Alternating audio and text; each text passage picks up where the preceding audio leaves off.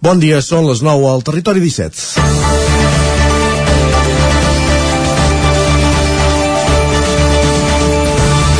Rècord històric amb 91.553 espectadors en un partit de futbol femení ahir al Camp Nou.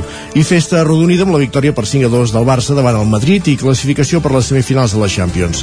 El Barça està obrint camí a passos agegantats perquè l'esport femení deixi de ser un complement del masculí i sigui considerat al mateix nivell. És obvi que la cursa no la fa sol. Gemma Mangual o Laia Sanz ja fa anys que formen part del nostre imaginari, com ara ho fan Alexia Putelles o Itana Bonmatí.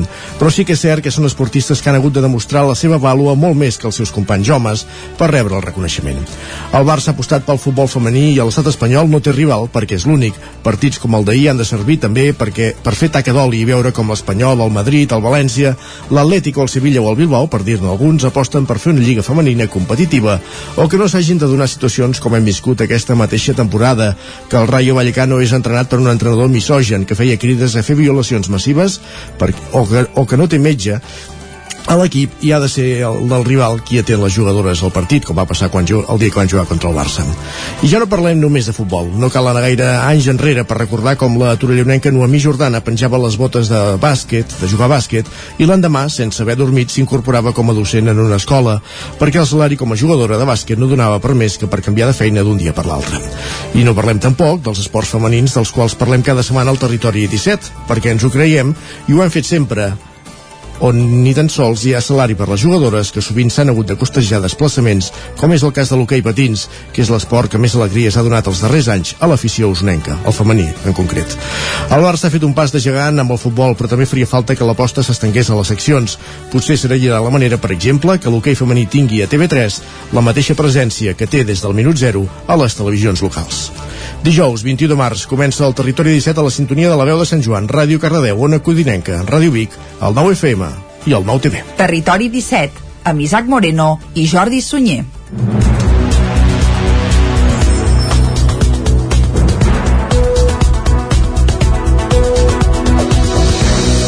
Passen dos minuts de les 9 del matí d'avui, dijous, dia 31 de març de 2022, últim dia del mes de març, demà, demà encetem l'abril, gotes mil, però de moment acabem aquest març també ja amb aquesta tònica abrilenca. Això ho descobrirem també i repassarem, eh, com cada dia, amb la meteorologia que ens acosta en Pep Acosta. Però què farem ara mateix? Doncs de seguida us acostarem tota l'actualitat de les nostres comarques i això ho farem durant tota la primera hora de programa a partir de les 10. Més informació, més meteorologia i també passarem per l'entrevista. Avui, Isaac Capon. Avui anirem a Cardeu amb companyia de l'Òscar Muñoz, des de Ràdio Televisió Cardeu, lògicament. Doncs després de l'entrevista, cap a dos quarts d'onze serà el moment de les piulades amb en Guillem Sánchez des dels estudis del nou FM. Tot seguit passarem per la taula de redacció i anirem d'excursió virtualment cap a la plaça. Ja ho sabeu, l'espai d'economia que ens acompanya cada dijous a la recta final de la segona hora amb la Maria López des de Ràdio Televisió Cardedeu i 11.cat. A les 11 actualitzarem de nou el butlletí informatiu i tot seguit qui ens visitarà avui serà en Jordi Soler. Exacte, l'Espai Alegria Interior, una sessió de PNL amb Jordi Soler. I a la darrera mitja com cada dia, pujarem a la R3, a la Trenc d'Alba, i avui que és dijous, acabarem anant al cinema. Repassant la gala dels Oscars amb Joan Garcia i Gerard Fosses des de la veu de Sant Joan i també anticipant altres festivals que es faran els propers mesos a les nostres contrades. Segur que hi apareix de nou aquella famosa bufetada de la qual ja vam parlar el dilluns. Això ho repassarem a la part final d'un programa que ara arrenca, com sempre, fent un repàs a l'actualitat de casa nostra, de casa vostra, de les comarques del Ripollès, Osona, el Moianès i el Vallès Oriental.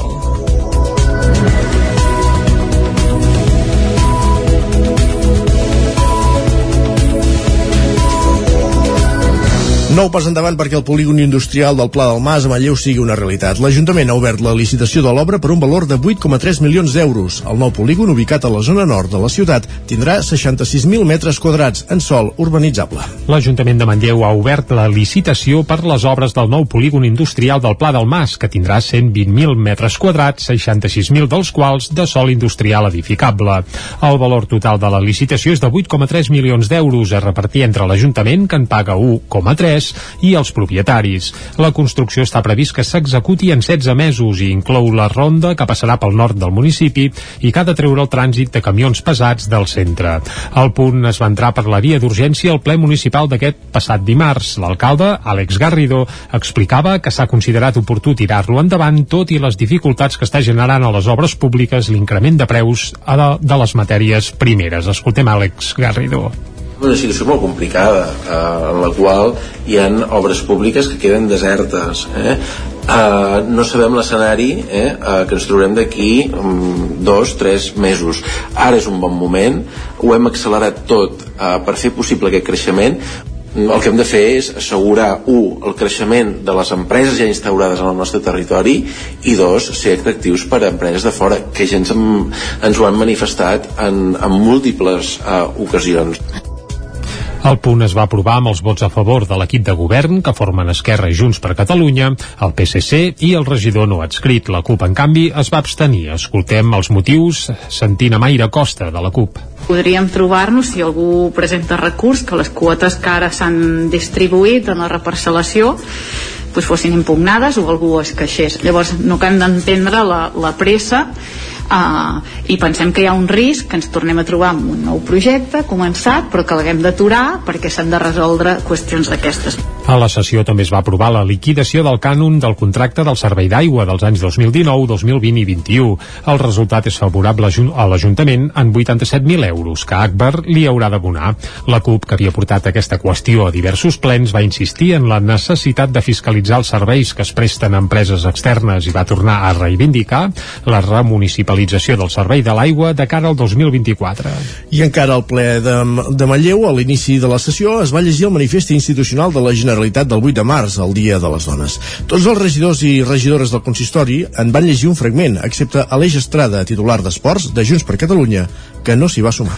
Al torn de pregs i preguntes, la portaveu del PSC, Marta Moreta, li va retreure a Estrada la seva actitud. Eva Font, d'Esquerra, i Maire Costa, de la CUP, també van fer notar el seu desacord amb els arguments d'Estrada. Escoltem per aquest ordre a Moreta, Font i Costa. M'agradaria saber quina és l'opinió d'un regidor que no vol participar en això. Em sembla molt greu. Em sembla extremadament greu. I crec que ens mereixem tots una explicació d'aquest tema, sobretot les dones. I més enllà de si mm, combregues amb la lluita feminista o no, jo penso que és un manifest per la lluita de, de la igualtat de gènere i que em sorprèn el teu posicionament ho tens al costat de casa, de veïnes, de companyes i estem manifestant que ens sentim discriminades i um, parlar de feminisme vol dir obrir-se a que aquesta discriminació ja no hi sigui. Aleix Estrada, regidor de Junts, es va defensar dient que no és feminista. L'escoltem. I un activisme vol dir un compromís. Si jo realment no sóc feminista perquè no tinc aquest compromís, per mi és molt hipòcrita que em sumi això perquè ara, perquè ara és moda i, o, o, o toca. Jo crec que un activisme implica sacrificis, implica un compromís, implica que, que estic segur que molta gent té i no, no és que el, que el posi en dubte, però jo crec que és un acte de, de coherència personal. Aleix Estrada és regidor d'Esports de Manlleu des de l'octubre del 2019, quan va entrar l'equip de govern en substitució de Miquel Gai. Més qüestions, ho vam anar explicant ahir durant el matí. La pluja d'ahir va complicar la circulació a la C-17. S'hi van registrar tres accidents i la via fins i tot va estar tallada durant unes hores de Centelles en sentit Barcelona. Un camió entrevessat al mig de la carretera va obligar a tallar la C-17 i al migdia durant un parell d'hores en sentit Barcelona, en terme de Centelles. El conductor, afortunadament, no va prendre mal. La pluja, a més, ja havia provocat altres accidents a Osona, un a l'eix transversal a Gurb, amb dos vehicles implicats i sense ferits, i dos més a la C-17, un a Montesquieu i un un altre a les Masies de Voltregà. En aquest últim, dues persones van resultar ferides i van ser traslladades a l'Hospital Universitari de Vic en estat menys greu. D'altra banda, i al migdia, un home va resultar ferit en un atropellament a la plaça de l'estació de Vic i se'l va traslladar a l'Hospital Universitari. Al lloc dels fets s'hi van desplaçar personal del Servei Sanitari del Sistema d'Emergències Mèdiques, la Guàrdia Urbana de Vic i els Mossos d'Esquadra. I també s'hi va tallar durant un cert temps el trànsit. Canviant de qüestió, anem al Ripollès. La periodista Anna Teixidor apunta que no s'ha donat un suport psicològic continuat als familiars i amics dels joves radicalitzats que van atemptar el 17 d'agost de 2017 a Barcelona i Cambrils. Isaac Muntades, des de la veu de Sant Joan.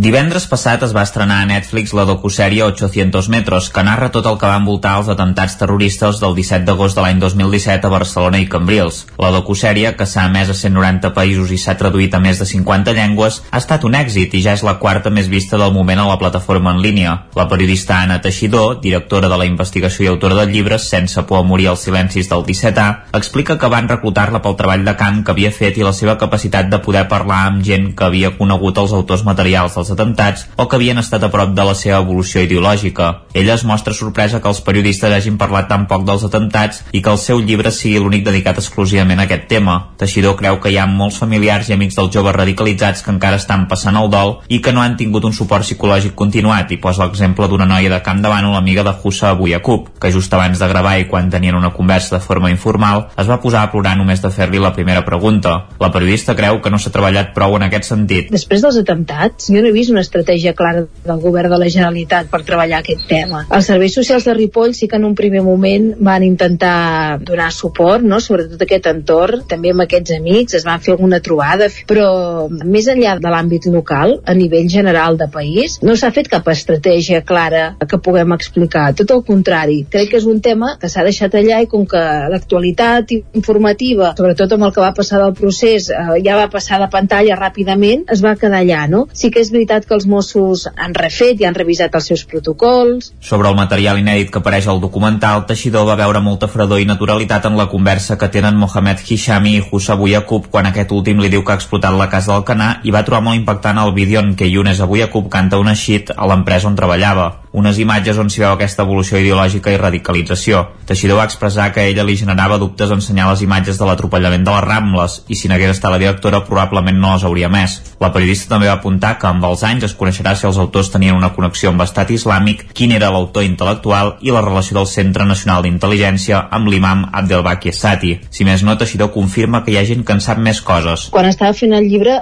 recordo que vaig contactar amb el que havia sigut director del Centre Nacional d'Intel·ligència en aquell moment, l'agost del 2017, en Félix Sant Roldan, i ell em eh, va comentar per telèfon que encara no havia arribat el moment de parlar-ne, però que en algun moment ell explicaria també què, què havia passat aquí o quina relació havien tingut amb Abdelbaki Assati. Veurem si finalment ho explica o si hi ha alguna mena de, de posicionament o alguna investigació fins i tot periodística eh, que pugui aconseguir testimonis eh, prou sòlids. Al documental hi han participat dos santjoanins, col·laboradors de la veu de Sant Joan, com són Guillem Plana Gomà, en condició d'ajudant de producció, i Ariadna Retxe, auxiliar de producció. La secció d'Esquerra Republicana de Caldes de Montbui escull Carme Germà com a nova presidenta local, Caral Campàs, des d'Ona Codinenca. Carme Germà és la nova presidenta de la secció local d'Esquerra Republicana i ho fa com a primera dona presidenta. La candidatura de Germà va ser la que va rebre més suports de la militància en l'assemblea ordinària que el partit va celebrar aquest dissabte al càmping El Pasqualet. La nova presidenta que pren el relleu en el càrrec a Jaume Mauri fa 11 anys que és militant del partit i a la secció local ha exercit els càrrecs de secretària de la dona i secretària d'organització. Carme Germà va néixer el 1971 és tècnica de Relacions Públiques i des de 2019 compagina la seva professió amb el càrrec de regidora a l'Ajuntament. Actualment és la responsable de Turisme, Termalisme i Patrimoni, Memòria Local i Comerç. La nova presidenta va posar en valor la feina feta aquests darrers anys per les anteriors executives amb Jaume Mauri al capdavant. Entre d'altres mèrits, sota la presidència de Mauri, l'entitat ha assolit la igualtat numèrica entre homes i dones tant a l'executiva local com a la militància. Canviem de qüestió, les sequeres extremes i continuades afavoreixen l'expansió de peixos exòtics i d'alguns i d'algues, perdó, als rius de Catalunya. L'escalfament de l'aigua ha empès la truita de riu a trams de muntanya i la bagra ha desaparegut d'Arguerols. Les sequeres extremes i continuades que s'han vist els últims anys a Catalunya per culpa del canvi climàtic han empitjorat la qualitat de l'aigua dels rius i han reduït la, la biodiversitat. Així ho constaten des del Centre d'Estudis dels Rius Mediterranis del CERM amb seu a Manlleu, que alerten que la baixada de nivell de dels aqüífers ha afavorit la proliferació d'algues i també de peixos exòtics més resistents a aquesta nova situació. També ha desplaçat espècies autòctones com la truita de riu a zones de muntanya, mentre que d'altres, com la, bra, la bagra, han desaparegut de molts rius. Des del CERM apunten que la sequera és un fenomen natural i que els organismes que viuen en entorns mediterranis estan acostumats a les oscil·lacions d'aigua, però no als episodis tan extrems i continuats. I aquest any, malauradament, no està sent una excepció. La qualitat de l'aigua cada cop està pitjor i el sistema de fauna aquàtica als rius és més simple, afirmen des del centre. L'augment de temperatura dels rius ha expulsat espècies autòctones com la bagra, un peix molt comú als rius de Catalunya, que ha desaparegut de molts punts del territori. D'altres, com la truita de riu, molt present en trams mitjans com el Ter a la plana de Vic, s'han desplaçat fins a, no a zones de muntanya on l'aigua és més freda. Per contra, els peixos exòtics han proliferat en molts punts, com ara les zones de rescloses i aigües tranquil·les, i ara ja són més del 90% del total d'espècies. La sequera està lligada a múltiples causes, però segons el CERM cal implantar canvis de forma urgent. El primer passaria per reduir al màxim el consum d'aigua, deixant, per exemple, de regar la gespa.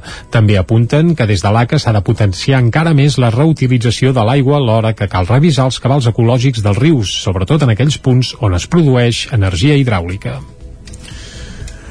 Crea Nagurp, un probiòtic líquid amb certificat ecològic. És un projecte de la startup Pharma Biozyme, creada per l'empresari usonec Marc Bosch. Sota la marca M-Life, una startup de GURB, Pharma Biozyme, ha tret al mercat una gamma de probiòtics líquids desenvolupats per la mateixa companyia usonenca.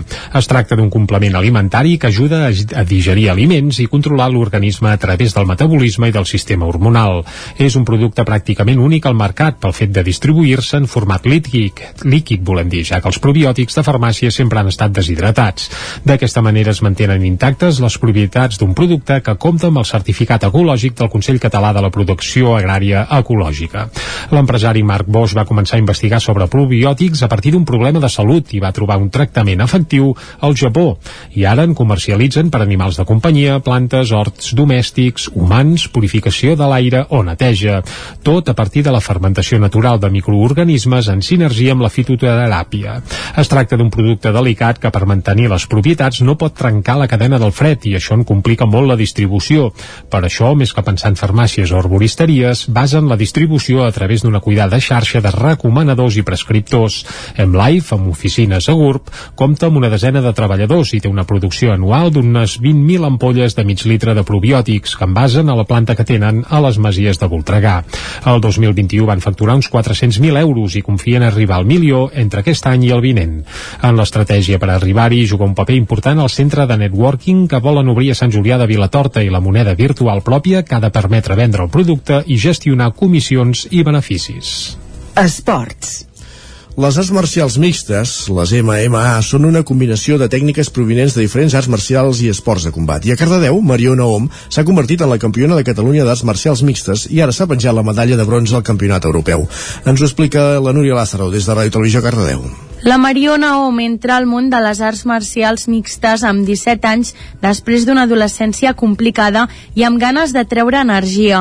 El gimnàs de Cardedeu coneix el que és l'MMA i comença a seguir a la ronda Rousey, la primera dona que el 2013 va lluitar a la Ultimate Fighting Championship. Abans d'ella, el, el jefe va dir que mai hi hauria dones lluitant a la UFC i ella va anar allà i, i va fer un pedazo de combat i, i gràcies a ella estem nosaltres mm, podem dedicar-nos a això. Llavors jo crec que mica en mica molta feina i hem de destacar molt més del que ha de destacar un home potser, però, però s'anirà aconseguint. A l'any 2019, la cardedeuenca Mariona Om debuta en el seu primer combat en MMA, on es penja la medalla d'or. Fa tres dies al Campionat Europeu disputat a Budapest es penjava la de bronze i el seu pròxim objectiu és arribar a lluitar en la màxima categoria i poder viure exclusivament dels combats. Amb l'MMA tenim molta sort, perquè és un esport que jo diria que està molt, igual, molt igualat. Sí que, òbviament, hi ha més lluitadors homes, però que sí, salarialment està molt igualat, o sigui, depèn de, de tu, de lo que tu produeixis. O sigui, si estan al mateix nivell, cobren el mateix. La Mariona entrena a Sant Vicenç dels Horts i fa classes a Cala Dona. Competeix de manera amateur, però en breus debutarà a la màxima categoria d'MMA. Acabem aquí aquest repàs informatiu que començàvem a les 9 en companyia de Núria Lázaro, Isaac Montades, Caral Campàs i Jordi Sunyer. Moment ara de saludar en Pep Acosta.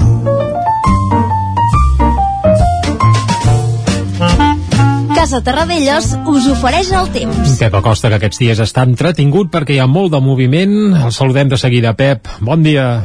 Hola, molt bon dia a tothom. I molt bona hora. Ja som dijous. I tant. Mm -hmm. Què tal esteu? Ja es va acabant la setmana. I el mes. I el que s'acaba mm -hmm. avui és aquest mes de març. Correcte. Uh, jo qualificaria gairebé d'històric um, més enllà de, de l'ambient fred que hem tingut el mes de març uh, més enllà de per fi la pluja que ha tornat la pluja a casa nostra, al nostre país per fi ha plogut com Déu mana aquest mes de març Mm -hmm.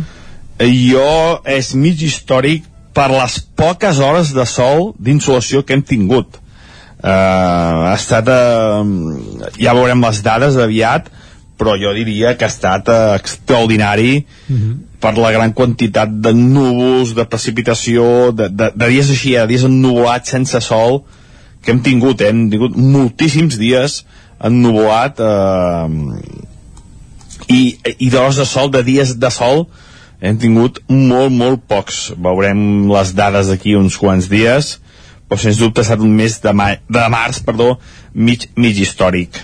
Però bueno, ara dic la previsió d'avui. Primer sí. anem a ahir, uh, anem ahir perquè va ser un dia de pluja, uh, pluja destacada, la comarca que ells van portar la grossa va ser Osona, Uh, més de 50 litres a la seva capital a Vic i zones pròximes, una pluja uh, molt beneficiosa uh, també cap a zona del Montseny més de 30 litres. Uh, en fi, uh, al, Mont al Pirineu uns 20 litres. En definitiva una pluja ahir molt molt necessària, extraordinària per, en tots els sentits. Uh, hi ha un canvi de, de, de guió, eh? hi ha un canvi de situació meteorològica. Aquesta nit uh, s'està produint aquest canvi s'ha produït aquest canvi i és que els vents estan girant a nord uh, ja tenim els cims dels Pirineus cops de 40, 50, 60 km per hora d'aquest vent de nord. Se'n va la pertorbació de, de mar uh, els vents de mar es retiren i entren aquests vents de nord. Es comença a notar també la baixada de temperatures temperatures negatives als cims del Montseny, als cims de Transversal i òbviament al Pirineu amb unes temperatures mínimes ja de 5, 6, 7 sota 0 uh, per acabar el març amb 7 sota 0 uh, Déu-n'hi-do, eh? Déu-n'hi-do quina, quina entrada vent de, de nord que estem que estem tenint i que tindrem sobretot a partir eh, de demà i durant tot el cap de setmana que s'acosta una autèntica entrada primera categoria eh, d'aire polar mm, avui serà un dia molt inestable però no serà un dia de pluges continuades com ahir tindrem molts núvols i tindrem algunes tempestes sobretot a la tarda cap a la zona del Montseny, Guilleries, el prelitoral, eh, tempestes, eh? eh? Acabem el mes de març amb tempestes. No serà una pluja continuada, com a mínim molt menys, sinó que seran ruixats puntuals, tempestes puntuals que en, uh, localment poden ser bastant fortes. Uh, atenció sobretot cap al prelitoral, al Vallès Oriental i Osona, que les tempestes poden ser bastant fortes aquesta tarda. Les temperatures aniran baixant. Uh, les mínimes s'han mogut entre els 0 i els 5 graus a moltes poblacions, per sota el Pirineu, i avui les màximes mouen els 10 i els 15 no pujaran gaire les temperatures eh? molt a ratlla es començarà a notar aquesta entrada de vents de nord violenta. Uh, avui encara els vents bufaran no molt forts de 40, 50, 60 km per hora. A partir de març reforçarà molt aquesta entrada de vent de nord i els vents seran violents uh, més de 100 km per hora als cims de les muntanyes. I això és tot. Uh, recordar això eh, que comença aquesta entrada de vent de nord a la tarda tempestes o del prelitoral i zones, el prelitoral i zones de muntanya i la temperatura comença a baixar en picat. Moltes gràcies, adeu. Doncs tocarà abrigar-se. Ah, exacte, ens abrigarem. Ja això, Rai, i ben abrigats. Uh, bé, comença l'abril demà, eh? però és que sembla que estiguem al febrer o, o al gener fins i tot. Doncs ben abrigats anirem cap al quiosc. Vinga. Casa Tarradellas us ha ofert aquest espai. I traurem la mà de la butxaca per agafar el diari, però mentrestant nosaltres avui el que farem serà repassar les portades d'aquests diaris. Exacte. Comencem pel punt avui. Comencem pel punt avui, que titulen Inflació desbocada. L'IPC de l'Estat arriba al 9,8%, el més gran augment des del 1985 el 1985 aviat, aviat és dit perquè fa uns quants dies d'això, eh? Fotografia per al Barça 30, femení, sí, exacte, que goleja i el Camp Nou fa història i es veuen les jugadores eh, del Barça un cop acabat el partit aplaudint al públic i a més de fons s'hi veu el marcador amb aquest 91.553, una xifra màgica que és la que hi havia ahir d'aforament al Camp Nou. D'aforament no quan va començar el partit, sinó a la mitja part, perquè molta gent va arribar tard per la impressionant embossada que hi havia a tot Barcelona, vaja. Anem a l'ara, va, la guerra a Europa dispara la inflació a nivells del 1984. És curiós perquè al punt avui parlaven del 85, a l'ara se'n van fins al 1984 i amb un 9,8% amb lletres vermelles. Ja no vindrà d'un any, són, sí, ja són, no ve són 40, eh, els que arriben, faran o 30, com he dit abans, però vaja. Sí, és que el temps va molt de pressa, Isaac. Uh, també la fotografia principal és per la golejada i rècord de públic, 5 a 2, i es veu uh, les noies del Barça doncs, aplaudint uh, al públic. I també un reportatge amb un xicot que diu de tocar música electrònica a empunyar un Kalashnikov. Evidentment parlen d'un soldat de la guerra a Rússia que va, era DJ abans de tot plegat. És, és terrible i esfereïdor. A Ripoll i dissabte nit tindrem una de DJ ucraïnesa, que aquesta sí que ha vingut cap aquí amb els plats i que, com dèiem, actuarà dissabte en el marc de la Fira de les 40 hores a la plaça Gran als 9 del vespre. Doncs vinga, música sí que es combat el feixisme i no pas amb Kalashnikov, però vaja, això serien figues d'un altre paner, ja sabem que entre, ha. Sí. entre homes i dones en aquest cas és que els homes mm -hmm. els, criden, els criden a files. Sí, sí, i els hi obliguen, a més a més. Va, al periòdico, la inflació suma els efectes de la guerra i es desboca. I també 91.553, rècord mundial en femení. Això apareix a la portada del periòdico. Anem a fer un cop d'ull a la de la Vanguardia. Uh, la de la Vanguardia, que ara mateix per això mm, bum, no la tenim a mà. Per tant, anem ràpidament a les portades d'àmbit espanyol. Al país la inflació uh, voreja el 10%, Uh, a l'ABC el govern només posa, ells diuen parxes, a la inflació pedaços. desbocada, pedassos, correcte, moltes gràcies. Isaac, el Mundo també titulen per aquí, el govern espanyol assumeix, bé, espanyol ho poso jo, no fos cas que algú es confongués, eh, però el govern assumeix que la inflació rècord desborda el seu pla en 24 hores, volguem dir això que han previst, per exemple, uh, ja, 20 euros d'allò ja està, ja, ja està caducat, amb només 24 hores, i a la Razón Podemos i els seus socis boicotegen la foto d'unitat de Pedro Sánchez. Això segons la Razón. També diuen que Rússia no dona treva i ataca el nord i l'est d'Ucraïna. Això apareix a la portada de la Razón. I fins aquí el repàs de portades. Ara fem una petita pausa i quan tornem afegirem la portada de la Vanguardia. Va. Fins ara mateix. El nou FM, la ràdio de casa, al 92.8 la vida i la naturalesa han portat Ernest Gingó a crear el seu primer disc i tu el pots ajudar a fer-lo realitat. Busca Seguint la Natura a la pàgina web Verkami i podràs fer la teva aportació econòmica a canvi del disc i d'alguns instruments artesanals que ha construït amb el seu pare, fuster de professió. Ajuda l'Ernest Gingó a fer realitat aquest primer disc que fa un viatge musical per la connexió amb la naturalesa. I un sentiment al restaurant Xavito Gastro de Vic hi trobaràs una cuina mediterrània i de mercat amb gran varietat de plats, amb arrossos, carn o peix fresc de la llotja cada dia.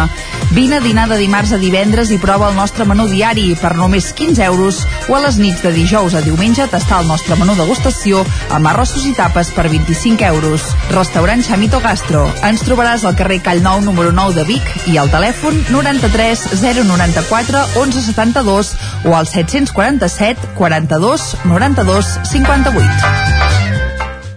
Això és el que s'escolta al voltant d'una caldera saunia d'Oval.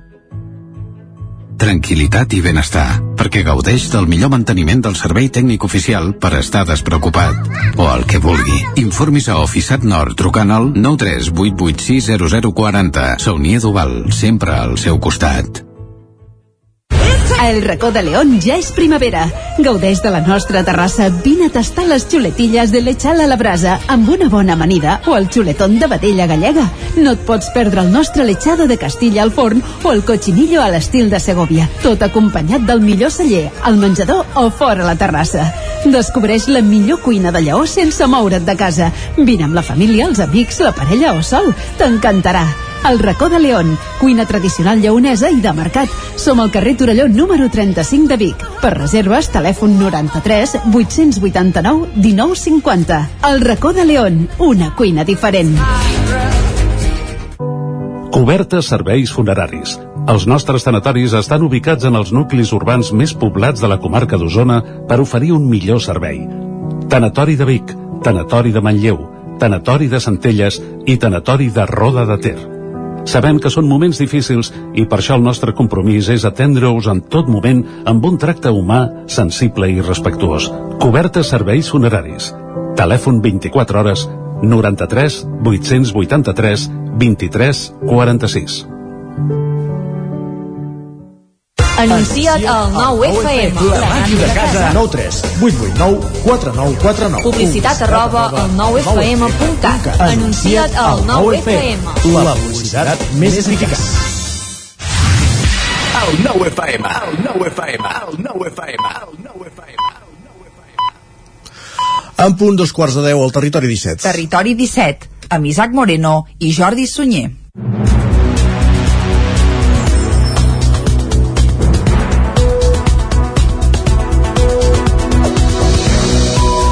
I a dos quarts de deu en punt d'avui dijous, dia 31 de març de 2022, el que farem de seguida és acostar-vos de nou tota l'actualitat de les nostres comarques. Abans ja us avancem que una mica, res, 3 minuts abans de les 10 hi posarem música avui.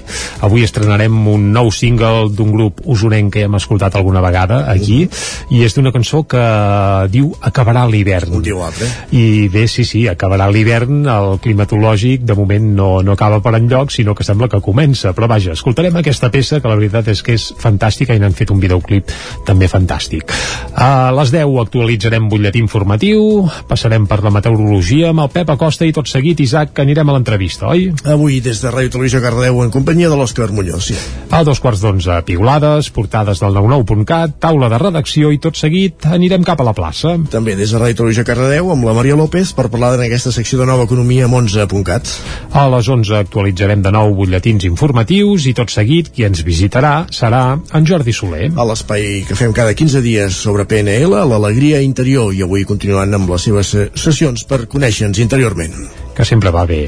I a la darrera mitja hora sempre pugem a la R3, a la Trenc d'Alba, avui també ho farem, a dos quarts de dotze en punt, i tot seguit, com que és dijous, ens tocarà anar cap al cinema. Amb en Joan Garcia i en Gerard Foses, des de la veu de Sant Joan, i ja sabeu, comentant les estrenes, l'actualitat cinematogràfica també marcada per aquesta gala dels Oscars que se celebrava la nit de diumenge a dilluns i marcada per aquesta plantofada de Will Smith a, a l'humorista que, que va fer humor sobre la calvície de la seva senyora. Un humorista que ara es veu que està rebentant eh, i atipant-se de vendre entrades del seu nou espectacle i en part és gràcies a, bé, a la propaganda que se li va fer arran de l'incident I avui de la gala. en Gerard i en Joan parlaran també de, de com anar la, el, del palmarès, més enllà de, de l'Oscar que també es va endur Will Smith. Doncs va, això serà a la part final d'un programa que ara segueix, com sempre, parlant de l'actualitat, no pas dels Oscars, sinó de l'actualitat del costat de casa nostra, l'actualitat de les comarques del Ripollès, Osona, el Moianès i el Vallès Oriental.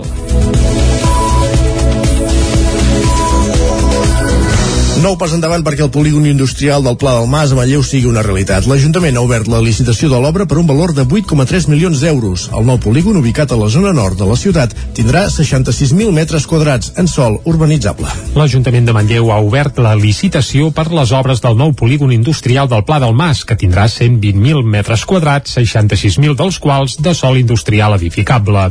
El valor total de la licitació és de 8,3 milions d'euros a repartir entre l'Ajuntament, que en paga 1,3, i els propietaris. La construcció està previst que s'executi en 16 mesos i inclou la ronda que passarà pel nord del municipi i que ha de treure el trànsit de camions pesats del centre.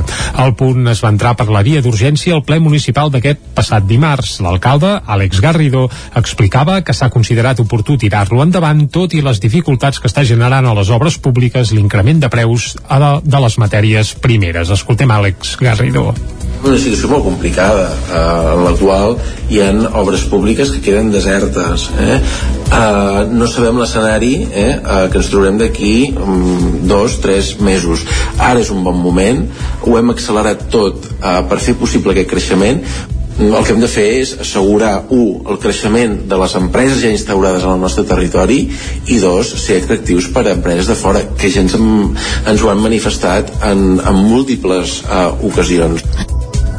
El punt es va aprovar amb els vots a favor de l'equip de govern que formen Esquerra i Junts per Catalunya, el PSC i el regidor no adscrit. La CUP, en canvi, es va abstenir. Escoltem els motius sentint a Maire Costa, de la CUP. Podríem trobar-nos, si algú presenta recurs, que les quotes que ara s'han distribuït en la reparcel·lació doncs fossin impugnades o algú es queixés. Llavors, no hem d'entendre la, la pressa eh, i pensem que hi ha un risc que ens tornem a trobar amb un nou projecte començat, però que l'haguem d'aturar perquè s'han de resoldre qüestions d'aquestes. A la sessió també es va aprovar la liquidació del cànon del contracte del servei d'aigua dels anys 2019, 2020 i 21. El resultat és favorable a l'Ajuntament en 87.000 euros que Akbar li haurà d'abonar. La CUP, que havia portat aquesta qüestió a diversos plens, va insistir en la necessitat de fiscalitzar els serveis que es presten a empreses externes i va tornar a reivindicar la remunicipalització del servei de l'aigua de cara al 2024. I encara al ple de, de Manlleu, a l'inici de la sessió, es va llegir el manifest institucional de la Generalitat del 8 de març, el Dia de les Dones. Tots els regidors i regidores del consistori en van llegir un fragment, excepte Aleix Estrada, titular d'Esports de Junts per Catalunya, que no s'hi va sumar. Al torn de pregs i preguntes, la portaveu del PSC, Marta Moreta, li va retreure a Estrada la seva actitud. Eva Font, d'Esquerra, i Maire Costa, de la CUP, també van fer notar el seu desacord amb els arguments d'Estrada. Escoltem per aquest ordre a Moreta, Font i Costa. M'agradaria saber quina és l'opinió d'un regidor que no vol participar en això. Em sembla molt greu. Em sembla extremadament greu. I crec que ens mereixem tots una explicació d'aquest tema, sobretot les dones.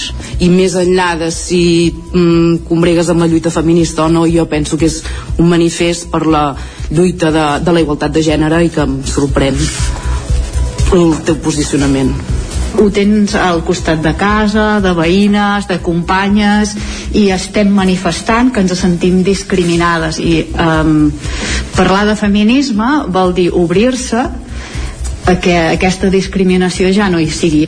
Aleix Estrada, regidor de Junts, es va defensar dient que no és feminista. L'escoltem. I un activisme vol dir un compromís. Si jo realment no sóc feminista, perquè no tinc aquest compromís, per mi és molt hipòcrita que em sumi això perquè ara, perquè ara és moda o, o, o toca. Jo crec que un activisme implica sacrificis, implica un compromís, implica que, que estic segur que molta gent té i no, no és que el, que el posi en dubte, però jo crec que és un acte de, de coherència personal. Aleix Estrada és regidor d'Esports de Manlleu des de l'octubre del 2019, quan va entrar l'equip de govern en substitució de Miquel Gai. Més qüestions, ho vam anar explicant ahir durant el matí. La pluja d'ahir va complicar la circulació a la C-17, s'hi van registrar tres accidents i la via fins i tot va estar tallada durant unes hores de Centelles en sentit Barcelona. Un camió entrevessat al mig de la carretera va obligar a tallar la C-17 i al migdia durant un parell d'hores en sentit Barcelona, en terme de Centelles. El conductor, afortunadament, no va prendre mal. La pluja, a més, ja havia provocat altres accidents a Osona, un a l'eix transversal a Gurb, amb dos vehicles implicats i sense ferits, i dos més a la C-17, un a Montesquieu i un altre a les Masies de Voltregà. En aquest últim, dues persones van resultar ferides i van ser traslladades a l'Hospital Universitari de Vic en estat menys greu. D'altra banda, i al migdia, un home va resultar ferit en un atropellament a la plaça de l'estació de Vic i se'l va traslladar a l'Hospital Universitari. Al lloc dels fets s'hi van desplaçar personal del Servei Sanitari del Sistema d'Emergències Mèdiques, la Guàrdia Urbana de Vic i els Mossos d'Esquadra. I també s'hi va tallar durant un cert temps el trànsit. Canviem de qüestió, anem al Ripollès. La periodista Anna Teixidor apunta que no s'ha donat un suport psicològic continuat als familiars i amics dels joves radicalitzats que van atemptar el 17 d'agost de 2017 a Barcelona i Cambrils. Isaac Muntades, des de la veu de Sant Joan. Divendres passat es va estrenar a Netflix la docusèrie 800 metros, que narra tot el que va envoltar els atemptats terroristes del 17 d'agost de l'any 2017 a Barcelona i Cambrils. La docusèrie, que s'ha emès a 190 països i s'ha traduït a més de 50 llengües, ha estat un èxit i ja és la quarta més vista del moment a la plataforma en línia. La periodista Anna Teixidor, directora de la investigació i autora del llibre Sense por a morir als silencis del 17A, explica que van reclutar-la pel treball de camp que havia fet i la seva capacitat de poder parlar amb gent que havia conegut els autors materials als atemptats o que havien estat a prop de la seva evolució ideològica. Ella es mostra sorpresa que els periodistes hagin parlat tan poc dels atemptats i que el seu llibre sigui l'únic dedicat exclusivament a aquest tema. Teixidor creu que hi ha molts familiars i amics dels joves radicalitzats que encara estan passant el dol i que no han tingut un suport psicològic continuat i posa l'exemple d'una noia de Camp de Bànol, amiga de Hussa avui a Cup, que just abans de gravar i quan tenien una conversa de forma informal es va posar a plorar només de fer-li la primera pregunta. La periodista creu que no s'ha treballat prou en aquest sentit. Després dels atemptats, jo no he vist una estratègia clara del govern de la Generalitat per treballar aquest tema. Els serveis socials de Ripoll sí que en un primer moment van intentar donar suport, no? sobretot aquest entorn, també amb aquests amics, es van fer alguna trobada, però més enllà de l'àmbit local, a nivell general de país, no s'ha fet cap estratègia clara que puguem explicar. Tot el contrari, crec que és un tema que s'ha deixat allà i com que l'actualitat informativa, sobretot amb el que va passar del procés, eh, ja va passar de pantalla ràpidament, es va quedar allà, no? Sí que és veritat que els Mossos han refet i han revisat els seus protocols. Sobre el material inèdit que apareix al documental, Teixidor va veure molta fredor i naturalitat en la conversa que tenen Mohamed Hishami i Hussa Buyakub quan aquest últim li diu que ha explotat la casa del Canà i va trobar molt impactant el vídeo en què Younes Abuyakub canta una shit a l'empresa on treballava unes imatges on s'hi veu aquesta evolució ideològica i radicalització. Teixidor va expressar que ella li generava dubtes ensenyar les imatges de l'atropellament de les Rambles i si n'hagués estat la directora probablement no les hauria més. La periodista també va apuntar que amb els anys es coneixerà si els autors tenien una connexió amb l'estat islàmic, quin era l'autor intel·lectual i la relació del Centre Nacional d'Intel·ligència amb l'imam Abdelbaki Sati. Si més no, Teixidor confirma que hi ha gent que en sap més coses. Quan estava fent el llibre recordo que vaig contactar amb el que havia sigut director del Centre Nacional d'Intel·ligència en aquell moment, a l'agost del 2017, en Félix Sant Roldan, i ell em va comentar per telèfon que encara no havia arribat el moment de parlar-ne, però que en algun moment ell explicaria també què, què havia passat aquí o quina relació havien tingut amb Abdelbaki Assati. Veurem si finalment ho explica o si hi ha alguna mena de, de posicionament o alguna investigació fins i tot periodística eh, que pugui aconseguir testimonis eh, prou sòlids. Al documental hi han participat dos santjoanins, col·laboradors de la veu de Sant Joan, com són Guillem Planagumà, en condició d'ajudant de producció, i Ariadna Retxa, auxiliar de producció. La secció d'Esquerra Republicana de Caldes de Montbui escull Carme Germà com a nova presidenta local, Caral Campàs, des d'Ona Codinenca.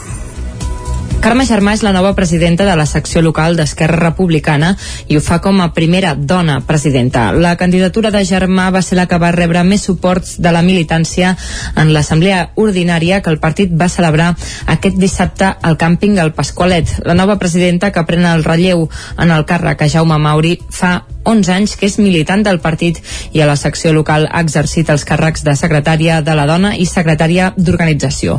Carme Germà va néixer el 1971 és tècnica de Relacions Públiques i des de 2019 compagina la seva professió amb el càrrec de regidora a l'Ajuntament.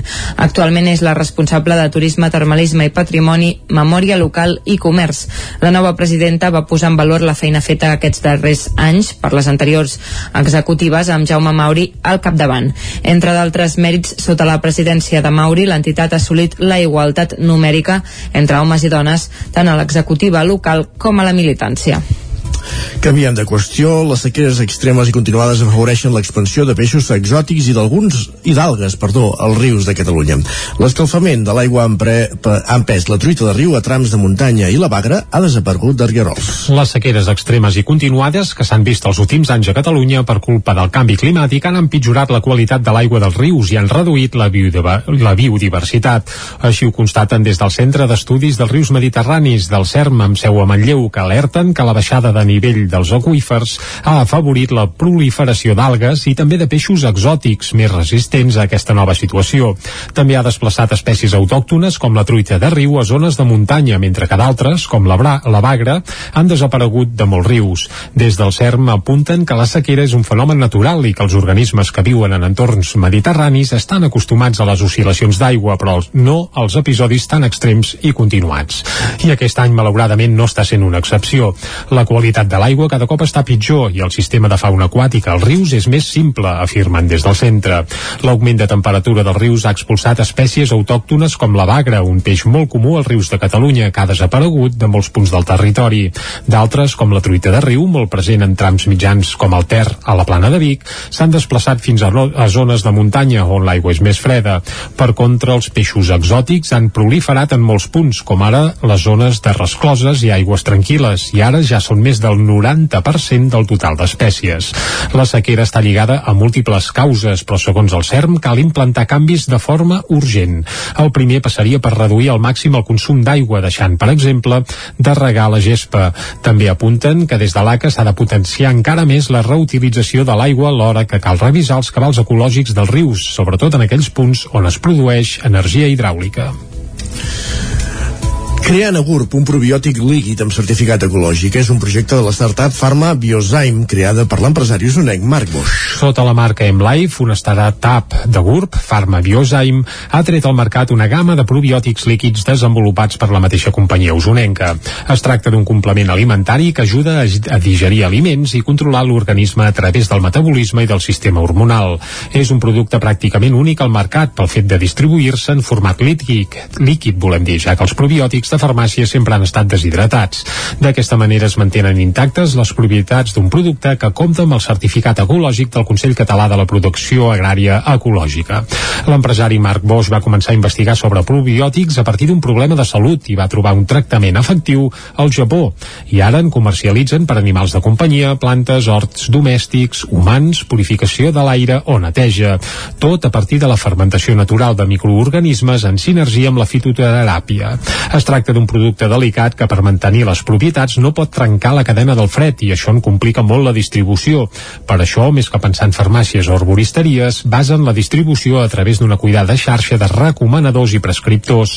MLife, amb oficines a GURB, compta amb una desena de treballadors i té una producció anual d'unes 20.000 ampolles de mig litre de probiòtics que envasen a la planta que tenen a les masies de Voltregà.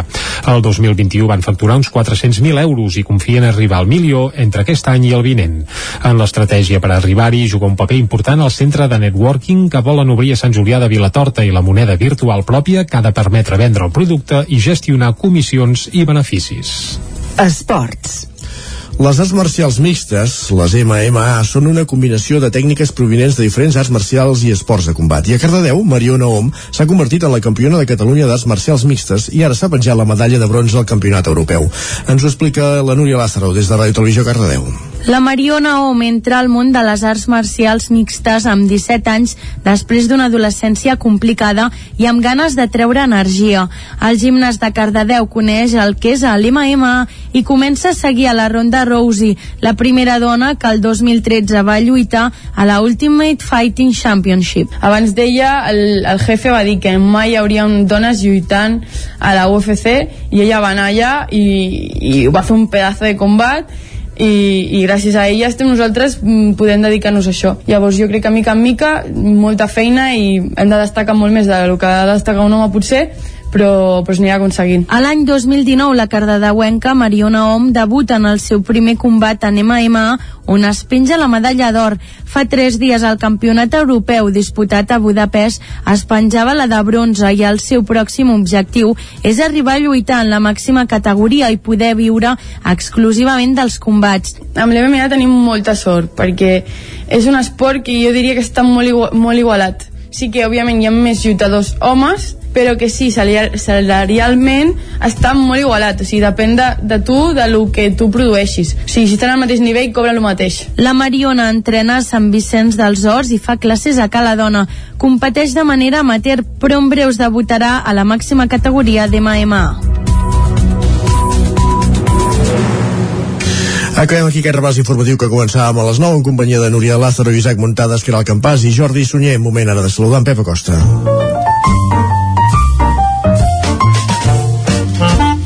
Casa Terradellos us ofereix el temps. Pep Acosta, que aquests dies està entretingut perquè hi ha molt de moviment. El saludem de seguida, Pep. Bon dia. Hola, molt bon dia a tothom. I molt bona hora. Ja som dijous. I tant. Mm -hmm. Què tal esteu? Ja es va acabant la setmana. I el mes. I el que s'acaba mm -hmm. avui és aquest mes de març. Correcte. Uh, jo qualificaria gairebé d'històric um, més enllà de, de l'ambient fred que hem tingut el mes de març uh, més enllà de per fi la pluja que ha tornat la pluja a casa nostra, al nostre país per fi ha plogut com Déu mana aquest mes de març Uh -huh. jo és mig històric per les poques hores de sol d'insolació que hem tingut uh, ha estat uh, ja veurem les dades aviat però jo diria que ha estat uh, extraordinari Uh -huh. per la gran quantitat de núvols, de precipitació, de, de, de dies així, de dies ennuvolats sense sol que hem tingut, eh? hem tingut moltíssims dies ennuvolat eh, i, i d'hores de sol, de dies de sol hem tingut molt, molt pocs veurem les dades d'aquí uns quants dies però sens dubte ha estat un mes de, ma de març perdó, mig, mig històric. Però bueno, ara dic la previsió d'avui. Primer sí. anem a ahir uh, anem ahir perquè va ser un dia de pluja uh, pluja destacada. La comarca que ells van portar la grossa va ser Osona Uh, més de 50 litres a la seva capital a Vic i zones pròximes. Una pluja uh, molt beneficiosa uh, també cap a zona del Montseny més de 30 litres. Uh, en fi, uh, al, al Pirineu uns 20 litres. En definitiva una pluja ahir molt molt necessària extraordinària per, en tots els sentits. Uh, hi ha un canvi de, de, de guió, eh? hi ha un canvi de situació meteorològica. Aquesta nit uh, s'està produint aquest canvi s'ha produït aquest canvi i és que els vents estan girant a nord uh, ja tenim els cims dels Pirineus cops de 40, 50, 60 km per hora d'aquest vent de nord. Se'n va la pertorbació de, de mar uh, els vents de mar es retiren i entren aquests vents de nord. Es comença a notar també la baixada de temperatures.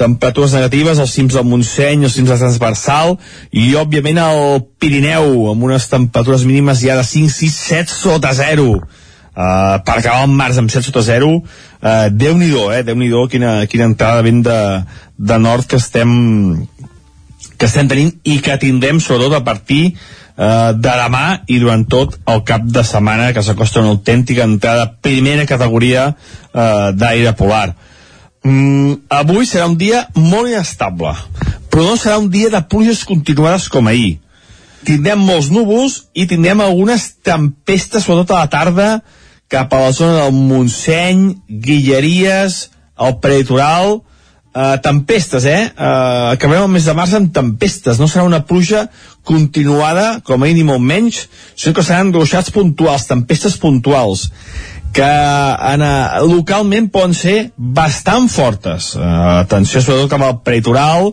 a Vallès Oriental i Osona, que les tempestes poden ser bastant fortes aquesta tarda. Les temperatures aniran baixant. Uh, les mínimes s'han mogut entre els 0 i els 5 graus a moltes poblacions, per sota el Pirineu, i avui les màximes mouen entre els 10 i els 15 no pujaran gaire les temperatures eh? molt a ratlla es començaran a notar aquesta entrada de vents de nord violenta. Uh, avui encara els vents bufaran no molt forts, a 40, 50, 60 km per hora. A partir de març forçarà molt aquesta entrada de vent de nord i els vents seran violents, uh, més de 100 km per hora als cims de les muntanyes.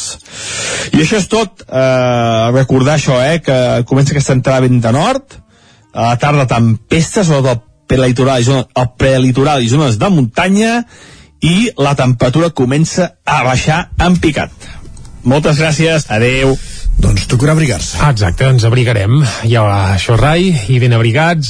Uh, bé, comença l'abril demà, eh? però és que sembla que estiguem al febrer o, o al gener fins i tot. Doncs ben abrigats anirem cap al quiosc. Vinga. Casa Tarradellas us ha ofert aquest espai. I traurem la mà de la butxaca per agafar el diari, però mentrestant nosaltres avui el que farem serà repassar les portades d'aquests diaris. Exacte. Comencem pel punt avui. Comencem pel punt avui, que titulen Inflació desbocada. L'IPC de l'Estat arriba al 9,8%, el més gran augment des del 1985. El 1985 aviat, aviat és dit perquè fa uns quants dies d'això, eh? Fotografia per al Barça femení, sí, exacte, que goleja i el Camp Nou fa història i es veuen les jugadores eh, del Barça un cop acabat el partit aplaudint al públic i a més de fons s'hi veu el marcador amb aquest 91.553, una xifra màgica que és la que hi havia ahir d'aforament al Camp Nou, d'aforament no quan va començar el partit, sinó a la mitja part, perquè molta gent va arribar tard per la impressionant embossada que hi havia a tot Barcelona, vaja. Anem a l'ara, va, la guerra a Europa dispara la inflació a nivells del 1984. És curiós perquè eh, al punt avui parlaven del 85, a l'ara se'n van fins al 1984 i amb un 9,8% amb lletres vermelles. Ja no vindrà d'un any. Sí, ja no ve d'aquí. Són 40, eh, els que arriben, faran o 30, com he dit abans, però vaja. Sí, és que el temps va molt de pressa, Isaac. Uh, també la fotografia principal és per la golejada i rècord de públic, 5 a 2, i es veu uh, les noies del Barça doncs, aplaudint uh, al públic. I també un reportatge amb un xicot que diu de tocar música electrònica a empunyar un Kalashnikov. Evidentment parlen d'un soldat de la guerra a Rússia que va, era DJ abans de tot plegat. És, és terrible i esfereïdor. A Ripoll i dissabte nit tindrem una de DJ ucraïnesa que aquesta sí que ha vingut cap aquí amb els plats i que, com dèiem, actuarà dissabte en el marc de la Fira dels 40 hores a la plaça Gran a les 9 del vespre. Doncs vinga, amb música sí que es combat el feixisme i no pas amb Kalashnikovs, però vaja, això seria en fi que és un altre paner, ja sabem que hi ha. Entre, sí. entre homes i dones en aquest cas és que els homes els, criden, els criden a files. Sí, sí, i els hi obliguen, a més a més. Va, al periòdico, la inflació suma els efectes de la guerra i es desboca. I també 91.553, rècord mundial en femení. Això apareix a la portada del periòdico. Anem a fer un cop d'ull a la de la Vanguardia. Uh, la de la Vanguardia, que ara mateix per això mm, bum, no la tenim a mà. Per tant, anem ràpidament a les portades d'àmbit espanyol. Al país la inflació uh, voreja el 10%. Uh, a l'ABC el govern només posa, ells diuen parxes, a la inflació desbocada, pedaços, correcte, moltes gràcies.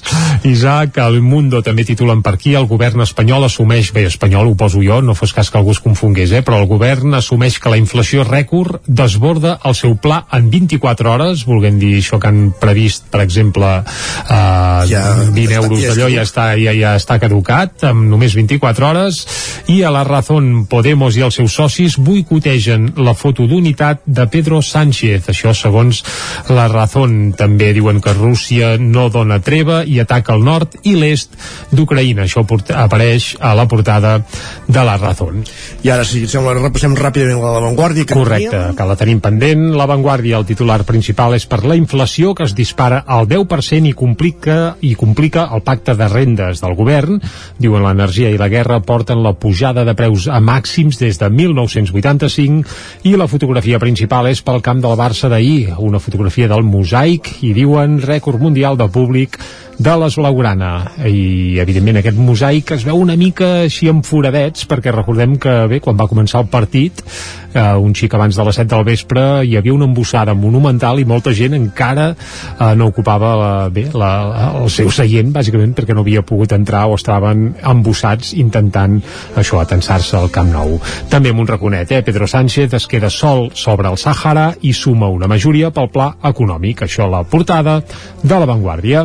I i ara ja està sonant de fons aquesta cançó que ens portaves avui. Ah, exacte, avui portem una cançó amb un títol molt explícit, que bé, que no sé si traient el cap a la finestra si seria ben bé això, però el titular, el títol de la cançó és Acabarà l'hivern, uh -huh. i l'escoltem avui perquè precisament aquesta matinada s'ha penjat eh, el nou videoclip d'aquesta cançó, és el tercer videoclip ja del nou disc dels Supervivents, un disc que arribava a finals de l'any passat, que es titula Qui em donarà rock and roll, i els Supervivents són una, fa, una banda precisament precisament de rock and roll de, bé, de grans patums de l'escena usonenca, tots ja força veterans, el disc és excel·lent i avui escoltarem aquest Acabarà l'hivern, un mig temps amb alguna pinzellada de balada que és una autèntica delícia i que va com en ell el dit per il·lustrar un dia com avui en què no sé si s'acaba l'hivern però vaja, nosaltres l'escoltem. sí, sí, sí, sí.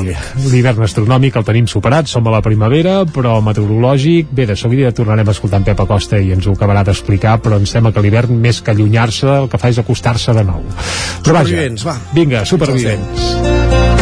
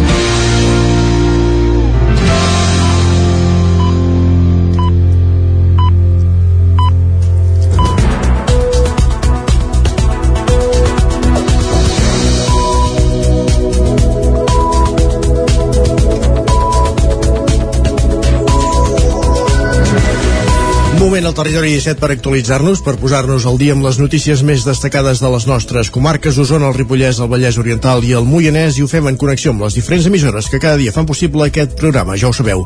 Ràdio Cardedeu, Ona Codinenca, La Veu de Sant Joan, Ràdio Vic, el 9 FM i el 9 TV.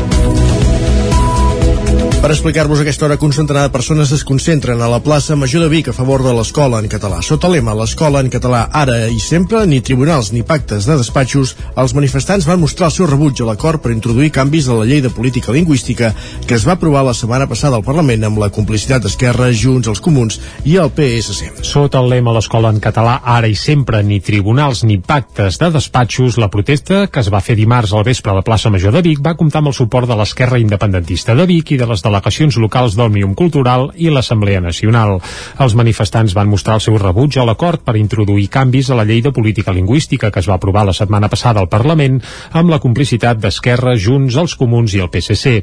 Un acord que deixa el castellà en mans dels centres educatius i que Capgirem Vic avala i que segons Capgirem Vic avala el compliment de la sentència del 25% del Tribunal Superior de Justícia de Catalunya. Escoltem a Carla Dinarès, regidora de Capgirem Vic. Per primer cop, aquesta modificació legislativa reconeix i certifica el castellà com a llengua vehicular a les escoles, traient l'exclusivitat al català. I això ens toca de mort. Volem que les representants polítiques amb poder de decisió surtin dels despatxos on fa dècades que estan tancades, despatxos que no ens queden tan lluny, ja que una de les persones que negociava aquest pacte per Junts és l'alcaldessa d'aquesta ciutat. Per l'escenari també hi van passar representants d'arran del Sindicat d'Estudiants dels Països Catalans i de la Intersindical. En nom precisament de la Intersindical, Xavier Coromina va parlar d'una dictadura de majories. L'escoltem. Quin és el problema que tenim nosaltres? Que, que estem vivint en dictadures de majories. Que no estem, no estem vivint en un món de persones. Estem vivint en una disfressa que en diuen una democràcia, però en realitat és la dictadura de les majories. I el dia que el català vulgui ser una majoria, perdrem. L'acte va finalitzar amb el cant dels segadors. Anem fins al Ripollès. L'ABS de, Sa de Ripoll, Sant Joan Can Prodon, ja disposa d'una professional per millorar la prevenció del benestar emocional. Isaac Muntades, des de la veu de Sant Joan. La Covid-19 i el gran impacte que ha tingut sobre la salut mental de la població ha fet que s'abordés aquesta part més oblidada que també va lligada a la nostra salut física i benestar. Des de fa pocs mesos, el Departament de Salut de la Generalitat de Catalunya ha creat la figura de la referent de benestar emocional, la qual ja s'ha incorporat a treballar a l'àrea bàsica de salut de Ripoll, Sant Joan de les Abadeses i Camprodon. L'adjunt d'aquesta ABS, Susana Prat, apuntava que el model d'atenció instaurat s'ha basat sempre en el cribratge precoç, la cura i el seguiment de la malaltia, quan el 80% dels factors que tenen a veure amb la salut són de caràcter social. La professional que han incorporat vol ajudar a augmentar i millorar la prevenció de la promoció del benestar social en el context comunitari, afavorint la participació de la ciutadania. Prat detallava quina és la tasca d'aquesta persona. El que ella ha començat a fer ja és a parlar amb les entitats, a parlar amb ajuntaments, a intentar doncs, veure quines entitats, quines activitats ja hi ha dins el territori. La seva funció serà de poder fer un mapatge de totes aquestes activitats i coordinar-nos amb aquests agents socials per poder traslladar també la informació als professionals de salut. Per altra banda, ens assessorarà els professionals que ja tenim sobre eines, aquests assessoraments del maneig a vegades del pacient, que potser amb unes eines psicològiques doncs podem abordar una miqueta millor el seu cas. Ella no farà l'atenció directa, però sí que assessorarà el professional que pot demanar-li dubtes, demanar-li consells, demanar-li estratègies. També s'encarregarà d'establir la coordinació amb la xarxa comunitària per detectar necessitats i promoure aquelles activitats per satisfer-les des del punt de vista de prevenció de la salut, sigui amb un taller o una altra activitat grupal. Metafòricament, l'objectiu de tot plegat no és tirar un flotador a una persona que s'està ofegant en un riu, sinó ensenyar-la a nedar. Per altra part, Prat va informar que dilluns vinent de les 10 del matí a dos quarts d'una s'iniciarà el projecte Amicope Vivifrail per millorar la salut i prevenir la dependència de la gent gran i que està dirigit a persones de més de 65 anys. Ja s'ha trobat un grup de persones que faran 12 sessions durant els pròxims dilluns. Les darreres pluges allunyen el risc de les restriccions per sequera a Caldes de Montbui, però no l'eliminen del tot. Caral Campàs, des d'Ona Codinenca. Tot i que les pluges dels darrers dies han rebaixat el risc de sequera i d'aplicació de restriccions a Caldes, el cert és que no l'han eliminat del tot. Per això els responsables de GEMSA, l'empresa que gestiona l'aigua potable al municipi, han fet una crida a la població per fer-ne un ús racional.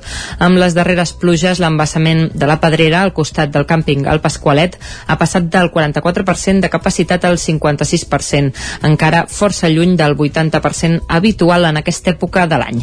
Ara mateix al dipòsit hi ha 138.000 metres cúbics d'aigua que permeten al municipi gaudir d'una relativa autonomia i una reserva extra a banda del subministrament de la xarxa Ter Llobregat i de la captació de diversos pous repartits pel terme municipal. Al llarg del 2021, els calderins van consumir 1.233.000 metres cúbics d'aigua potable, aproximadament uns 69 per habitant. Va ser el tercer curs consecutiu en què es rebaixava el consum global d'aigua al municipi després d'anys d'oscil·lacions i suposava un descens important del consum respecte de 2006 en què es va fregar el milió 400.000 metres cúbics. Passen 6 minuts de les 10 del Vallès Oriental de Caldes. Eh, tornem a Osona, anem fins a Manlleu perquè un grup de veïns de l'Avinguda de Roma es queixa de les dificultats que tenen per entrar i sortir amb cotxe dels garatges arran de la construcció, de l'habilitació més aviat del carril bici. L'equip de govern diu que la situació no es podrà resoldre fins que es construeixi una rotonda a la Cruïlla, un projecte que es podria executar aquest mateix any. La construcció del carril bici a l'Avinguda de Roma de Manlleu ha fet que els veïns del tram on hi ha dos carrils de circulació no tinguin prou espai per entrar i sortir en cotxe del garatge de casa seva. Les dificultats per maniobrar s'afegeixen a l'alt volum de trànsit que circula per aquesta via i al doble semàfor que hi ha a la Cruïlla amb ritmes diferents. Tampoc poden aparcar davant de casa, tot i pagar igual.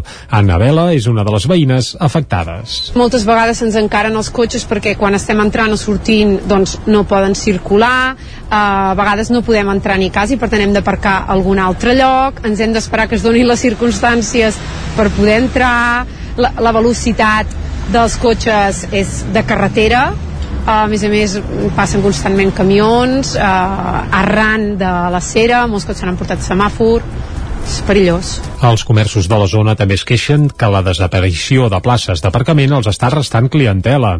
Els veïns que insisteixen que no estan en contra del carril bici consideren que la solució passa per reduir la circulació a un únic carril. Des de l'Ajuntament, tot i, i donar la raó als veïns, asseguren que la solució passa per una rotonda a la Cruïlla, una obra que es podria fer aquest mateix any. Ho avança Enric Vilaragut, regidor de Serveis Territorials de l'Ajuntament de Manlleu. Tenen raó, realment els hi afecta eh, el seu accés eh, als seus habitatges. La previsió un cop consensuada i tractada aquí interiorment és fer una rotonda i habilitar un sol carril. La proposta que hi ha d'habilitar un sol carril no fer res més no és viable perquè podria provocar col·lapses bastant, bastant, bastant importants. Ja hi ha dibuixos fets, hi ha esquemes fets puguem passar-ho al projecte i executar-ho per gota que puguem aquest mateix any. Per tractar la problemàtica hi ha hagut diverses reunions entre veïns i ajuntaments des del setembre passat. Les persones que viuen en aquest tram de l'Avinguda de Roma però estan molestes amb l'actitud del consistori perquè asseguren no han arribat les mesures que els havien promès, com per exemple unes bandes a l'asfalt per obligar a reduir la velocitat dels vehicles. I encara a Manlleu, el Museu del Ter és pioner a tot Catalunya en la incorporació de la Masic. A partir d'ara, doncs, les visites es poden fer en català, castellà, anglès, francès i també la llengua masica. A partir d'ara, la visita al Museu del Ter de Manlleu ja es pot fer en català, castellà, anglès i francès i, a més a més, també es podrà seguir en amasic. El Museu de Manlleu és el primer de Catalunya que incorpora entre les seves llengües principals de treball la que parlen moltes de les, de les famílies d'origen magribí que viuen a Osona. La traducció l'ha fet Salima El Koulali i no ha resultat fàcil per les característiques especials d'aquesta llengua poc normativitzada i unificada.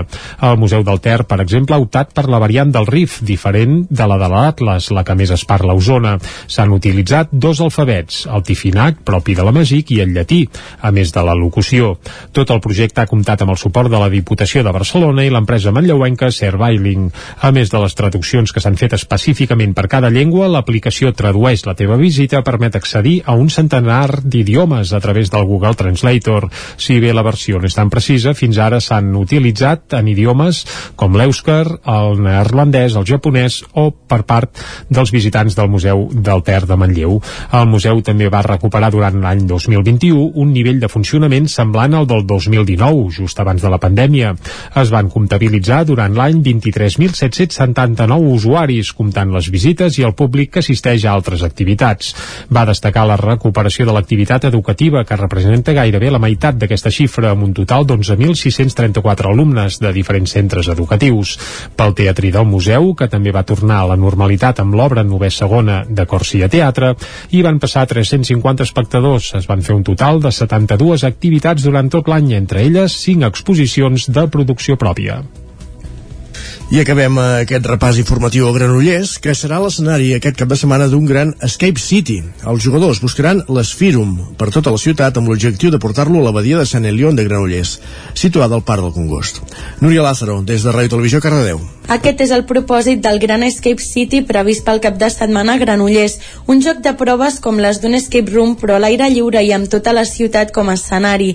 Per escapar de la maledicció de la desaparició de l'Esferium, els participants han de superar quatre proves plenes d'enigmes situades a diferents indrets secrets de la ciutat que recreen quatre espais molt singulars. Està pensat perquè hi participin equips d'entre dues i cinc persones majors de 10 anys durant un període de 4 hores. A més, la prova estarà dinamitzada per el Gran Germán i tots els participants tindran una motxilla amb material i un avituallament per seguir les proves. Roman López, director d'operacions del Playful Events, l'empresa organitzadora, destaca algunes singularitats de l'Escape, per exemple, l'ambientació dels espais i la complexitat de la producció. També, per evitar que uns equips copien els altres, han fet que tots els llibres de pistes siguin diferents entre ells, de manera que tothom faci les mateixes proves, però que resolguin els reptes a partir de diferents codis. A més, també hi ha un sistema de distribució de participants per la ciutat perquè no tothom coincideixi els mateixos espais. Doncs veurem com evoluciona aquest Escape City, aquest Escape Room per la ciutat de Granollers el proper dissabte. Gràcies, Núria. Acabem aquí aquest repàs informatiu que feien, com sentíem, en companyia de Núria Lázaro, Caral Campàs, Isaac Muntades i Jordi Sunyem. Passen 12 minuts de les 10, moment de saludar de nou amb Pep Acosta, moment de conèixer la previsió meteorològica en un dijous que tendeix a fred i plujós.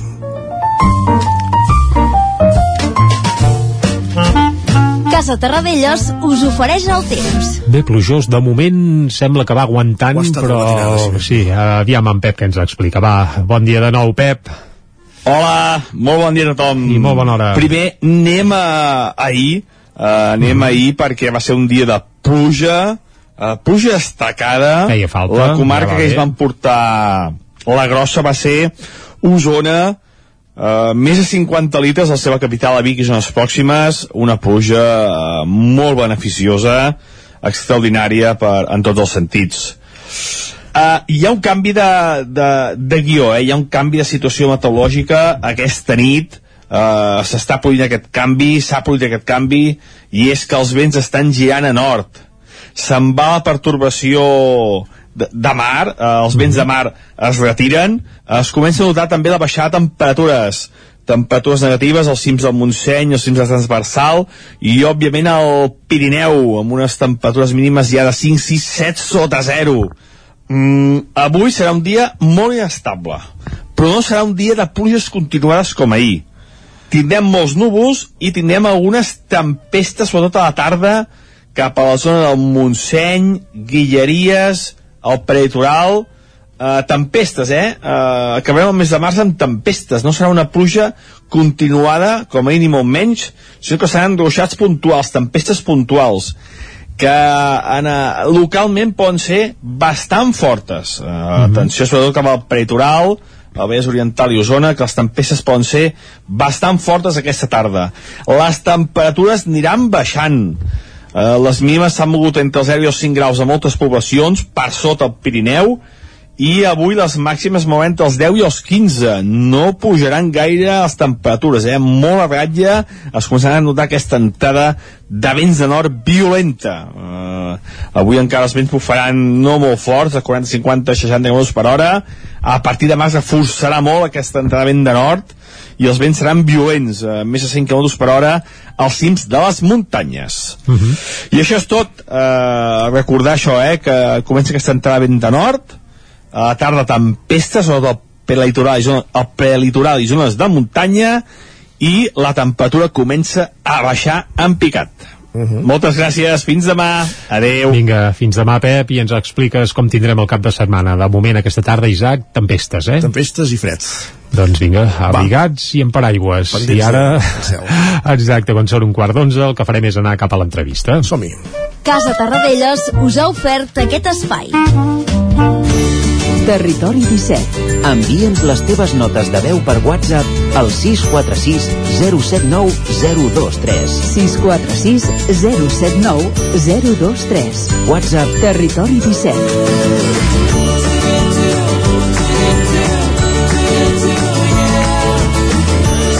Territori 17. Som a Facebook, Twitter i Instagram amb l'usuari Territori 17.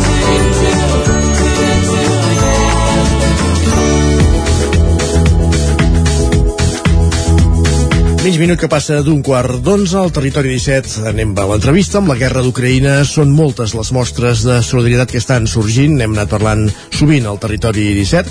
A Cardedeu, el gerent del gastrobar Bravo va posar rum a Polònia i va acabar servint aliments als refugiats a la guerra a la frontera amb Ucraïna. Amb Òscar Muñoz, des de Ràdio Televisió Cardedeu. Bon dia. Bon dia, doncs sí, avui els tenim aquí a l'estudi. Ells són l'Ivan Tomàs, el gerent del gastrobar Bravo, i la Lília Alexandrova, una noia ucraïnesa que porta 20 anys vivint aquí a Cardedeu. Bon dia. Bon dia. Òscar. Expliqueu-nos això com va anar aquesta història. Volíeu enviar aliments cap a Ucraïna i veu decidir, doncs, anar-hi, no? Directament, per...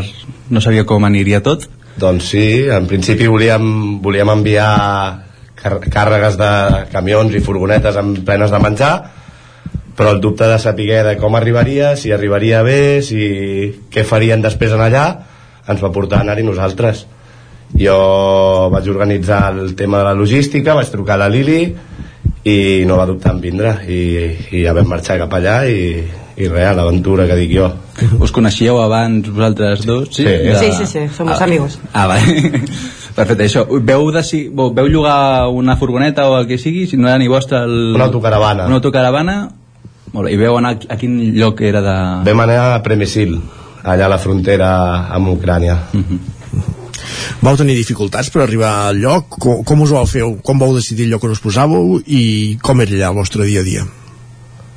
Doncs dificultats no en vam tindre moltes, l'únic que vam tindre molta, molta incertesa quan vam arribar, perquè estava tot molt, molt descol·locat, que tu arribes allà i veus, veus aquella situació i et quedes també una miqueta, una miqueta en xoc, i vam trigar les, les nostres les nostres un parell d'horetes en, en ubicar-nos amb la caravana i situar-nos i a partir d'aquí, una vegada situats ja està, començar a rodar, a cuinar que és el que, el que sabem fer perquè quants dies vau estar-hi? Sí, sí. Ara. Doncs vam estar-hi una setmana. Sí, una semana estuvimos eh, y bueno cocinando y ayudando a la gente. Y ahí la verdad que mucha bueno mucha cosa para ver y mucha tristeza. Hicimos todo posible para ayudar a la gente en todo. I allà a la frontera, dius, vau, vau portar aliments, com, com els preparàveu? Com veu arribar allà i veu posar la cuina, diguem, de batalla, no? O sigui, com va ser això, com va ser per quanta gent preparàveu aquests plats, en quines quin, condicions, com us veu trobar allò? Doncs nosaltres, nosaltres teníem un, un fogó, un fogó professional, mm. i llavors portàvem olles elèctriques i a partir d'aquí doncs, vam començar a cuinar i més o menys sabíem que per cada, per cada tanda de menjar que fèiem sortien 250-300 racions i era, doncs, era un no parar, era començar a fer i anar, donar, anar servint i anar cuinant i, i res, perquè aquests aliments els portàveu o sigui, era, la gent de Cardedeu havia portat aquest projecte o era, era més per vostre que veu decidir portar-ho? molta part la vam portar nosaltres amb, arrel de proveïdors que tenim al restaurant i ens van posar en contacte amb ells i, i ens van eh, proporcionar els aliments van tindre un, un gran detall també i després molt, moltes amistats nostres que a part particular ens feien ens deixaven calés perquè compréssim, ens portaven ells els medicaments, la roba, el menjar i a partir d'aquí doncs es va fer una, una crida una miqueta i la gent va col·laborar molt, la veritat. Perquè no, era, no, no éreu els únics, no?, que estàveu allà... Ah, no, no, no, ahí había también la gente de eh, México, ¿no? Y estaban de, son de alemanes. Y bueno, y también quiero decir que muchísimas gracias a la gente que nos hicieron visums, muchísimas, y pudimos pagar la gasolina. La gasolina también Bueno, es claro. muy, muy cara y por eso pudimos ir y volver. Muchísimas gracias a la gente, de nuestros amigos, de Cardedeo, de todo el mundo. Abans parlàveu que, que primer de tot vau, com vau arribar el que, va, el que us va xocar més va ser primer l'impacte no? de, de trobar-vos la gent sortint del país fugint de, de la guerra eh, el fet que tu Lília siguis ucraïnesa suposo que ajudava amb el tema idioma d'entendre-us de, de, amb aquestes persones i no només entenc que, que fèieu el suport de cuina sinó en el vostre cas també suposo que eh, a punts de solidaritat o de guiar la gent cap on s'havien de moure entenc un cop eh, arribava eh, al punt de Polònia on éreu vosaltres Sí, uh, bueno, ja sé que li has preguntat a la Lili, però ara la, la, la idea era anar a cuinar, però la Lili va ser un... un de traductora. Uh, clar, va ser una traductora excepcional, no només per, per nosaltres mateixos, la, la solicitava tothom. Sí, sí. Había también mucha gente de, de toda España, también eh, los bomberos de Alicante. Claro, ellos llegaron con seis furgonetas, bueno, sí, eh, y necesitaban ayuda para que llevar a la gente, la, las mujeres, las niñas, los niños uh, de Ucrania y yo estaba todo el rato ahí traduciendo y el idioma es muy, muy complicada. Y traducía a todo el mundo, ayudaba, no, paraba, no, no paramos. Iban cocinando, yo uh, ayudando en tradu traducción. Y, uh -huh. I... Sí, ho veu complementar bé per al final arribar doncs... Sí, vam fer, vam fer un bon tàndem la veritat vam ah, fer un tàndem. bon tàndem ara volíem parlar d'aquesta situació de la gent que vol eh, acollir a les seves cases vosaltres heu, heu acollit a, a gent d'allà? Sí, sí, sí eh, al final, bueno, eh, vino mi amiga con eh, dos niños y están ahora en mi casa viviendo hasta que acaba la guerra y ayudando en todo sí. Molt bé Están us ha posat no, no sé si des... Ah, digues, però no, veure, continua, continua. No, no, anava a demanar si us ha posat en contacte amb altres entitats d'acollida, diguéssim, de cara a, a, a, a, si teniu altres coneguts que vulguin venir a Catalunya, diguéssim, per gestionar aquestes acollides, o, o quin és el contacte que teniu ara mateix amb, amb persones refugiades que, que surten de, del país encara o que estan buscant un destí? Mm, sí, conozco muchísima gente y cuando volvimos a Cardedeu me, me estaban llamando eh, mis amigos o conocidos a ver si podía ayudar, pero eh, ellos se quedaron en Polonia eh, o fuera de Polonia para estar más cerca de casa, más cerca de Ucrania, para no quieren desplazar más a Barcelona tan lejos y están ahora repartiendo repartidos más por Polonia y uh -huh. están todos esperando a ver que, que acaba la guerra y vuelven más pronto para casa. Molt bé a casa, sí. Eh, jo volia dir que bueno, aquest viatge el veu fer, això va ser una miqueta així ràpid, de pues, anem nosaltres allà a cuinar. És un viatge que tornareu, tornareu a fer o ja creieu que suficient? La idea, la idea era tornar.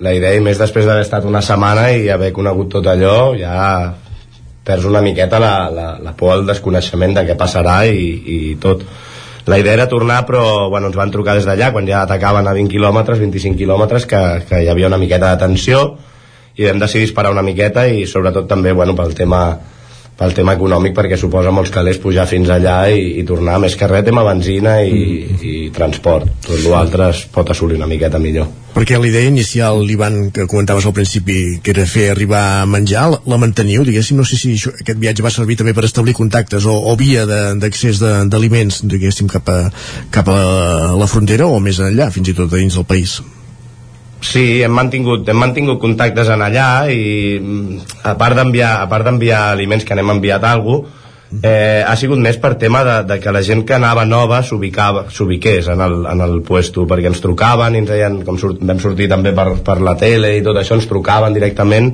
i ens preguntaven ells, escolta, què tal està allà per ubicar-se i com ho fem? I una miqueta el que ens va passar a nosaltres el primer dia doncs intentant treure aquest desconeixement de la gent que, que arribava des d'aquí jo volia preguntar-te com és això de... vas portar-ho bé això de... Bueno, el, tenies el teu gastro al bar, no? al Bravo. Ho vas compaginar bé això de, de deixar-ho al teu local i anar-te'n de, doncs allà a la frontera? Doncs, doncs gràcies a Déu tinc un, estic al restaurant cada dia i tinc un equipàs en allà no, ningú és imprescindible. Yeah i vaig poder marxar i es van quedar el meu germà eh, allà que és el, el que també controla el restaurant. Es va quedar ell al, al front del restaurant i amb l'equip i cap problema van sortir endavant i, i nosaltres vam poder, vam poder marxar tranquil·lament I una pregunta última més personal a la Lili, pel fet de ser ucraïnesa, de conèixer el país, tot i que fa 20 anys, com dèiem, que, que, que viu aquí, en el moment de, de que comença la guerra, de que comença la, les invasions, com, com ho viviu, no? Diguéssim, aquesta és la reacció, com comentàveu, d'anar cap allà eh, a ajudar, eh, en aquest cas a oferir aliment, però no sé si és una cosa esperada o com, com reacciones en aquell moment. Sí, es eh, bastante complicado eh, el día 24 de febrero, me acuerdo para siempre este día, me llamó mi hermano a las 5 de la mañana y me llamó y dice, "Mm, hermana, cariño, ha empezado la guerra. Y para, bueno, para todo el mundo y para mí es muy duro. Y no esperaba que me llamara el Iván. Eh, bueno, yo el, eh, desde el primer día empezamos eh, a ayudar eh, a recoger la- la comida desde Cardedeu pero me llamó el Iván y dice vamos para Polonia y ni un momento yo dudaba y, y digo vamos y nos fuimos para, para allá para ayudar en todo. Es para mí no sé. No hay palabras. Eh, Imaginem. Gràcies per ser avui amb nosaltres al Territori 17, per explicar-nos aquest testimoni, Lília Ivan, i que no pari la solidaritat. I gràcies per ser amb nosaltres i per la feina que feu. Moltes gràcies. gracias a vosotros Bon dia. Gràcies, Òscar. Parlem més tard. Fins ara. I acabem aquí aquesta entrevista, com dèiem, al Territori 17, parlant d'aquesta experiència que van tenir aquests dos veïns de Cardedeu, l'Ivan Tomàs, gerent del Gastroart Bravo, i la Lília Alexandrova a la frontera entre Polònia i Ucraïna, quan van, on van ser durant una setmana servint menjars a tots els refugiats que sortien de, del país ucraïnès, que, com sentíem ara de les paraules de la Lília, pateix els atacs de, de Rússia des de ja fa més d'un mes, des del 24 de febrer d'aquest 2022. N'hem parlat prou aquests dies al Territori 17, però avui teníem aquest testimoni de primera mà del el qual hem recollit a l'entrevista. Fem una pausa tot seguit al Territori 17. Eh, tornem de seguida, som a la coda del programa, començarem amb les pilades, amb la taula de redacció i la resta de continguts que ens manquen fins a arribar al punt de les 12. Fins ara mateix. El nou FM, la ràdio de casa, al 92.8. Ja tens la teva disfressa? Carnestoltes a Manli. Vine i demana'ns la disfressa que vulguis. Trobaràs un món de fantasia en disfresses i complements per al Carnestoltes. Hi ha uns preus especials. Som al carrer Ramon Soler, número de Vic, i també ens trobareu a manli.cat. Fem de la festa una bogeria. Una bogeria. A la rostisseria El Plat ens agrada la cuina de sempre, la de les àvies i de les mares, la cuina feta amb paciència com s'ha fet tota la vida. Vine a provar els nostres canelons gruixuts o els croquetons, les nostres croquetes de 80 grams, i recupera el gust del pollastre a com els que es menjaven abans. Ah, i aprofita, fins a finals de febrer, 20% de descompte en els canelons i el pollastre. Rostisseria El Plat, encàrrecs fins a les 12 del migdia i servei a domicili. Ens trobaràs de dijous a diumenge al carrer Església número 6 de Taradell o al 93 135 58 85. Cobertes serveis funeraris. Els nostres tanatoris estan ubicats en els nuclis urbans més poblats de la comarca d'Osona per oferir un millor servei. Tanatori de Vic, Tanatori de Manlleu, Tanatori de Centelles i Tanatori de Roda de Ter. Sabem que són moments difícils i per això el nostre compromís és atendre-us en tot moment amb un tracte humà, sensible i respectuós. Cobertes serveis funeraris. Telèfon 24 hores 93 883 23 46. Estàs afectat pel càrtel dels cotxes? Si vas comprar un cotxe entre el 2006 i el 2013, pots recuperar fins a un 15% del preu de compra. Contacta amb Puig de Canet Advocats i et tramitarem la reclamació en col·laboració amb Redi Advocats, un despatx d'abast estatal amb més de 40.000 afectats, sense pagaments, sense riscos i sense judicis. Només cobrem si tu cobres. Truca al 93 883 3223. Vols aprendre anglès i viure una experiència inoblidable? Estades per a joves a Irlanda, classes d'anglès i un munt d'activitats, allotjats en família o en residència i convivint sempre amb joves d'altres països. També classes per adults i programes per a tota la família. Tures Language and Travel, especialistes en Irlanda des de 1994. Més informació a tures.cat. Cocodril Club. Si t'agrada la bona música dels anys 60, 70 i 80, escolta el 9 FM als matins de dissabtes i diumenges d'11 a 1. És el temps del Cocodril Club, tot un clàssic de la ràdio, amb les bases del pop-rock, les llegendes, les cançons que s'han convertit en autèntics himnes. Recorda, dissabtes i diumenges al matí, d'11 a 1, al 9 FM 92.8. Cocodril Club, el programa revival de l'Albert Malla. Hasta luego, cocodrilo. El 9 FM, el 9 FM. En punt ara mateix al territori 17, dos quarts d'onze.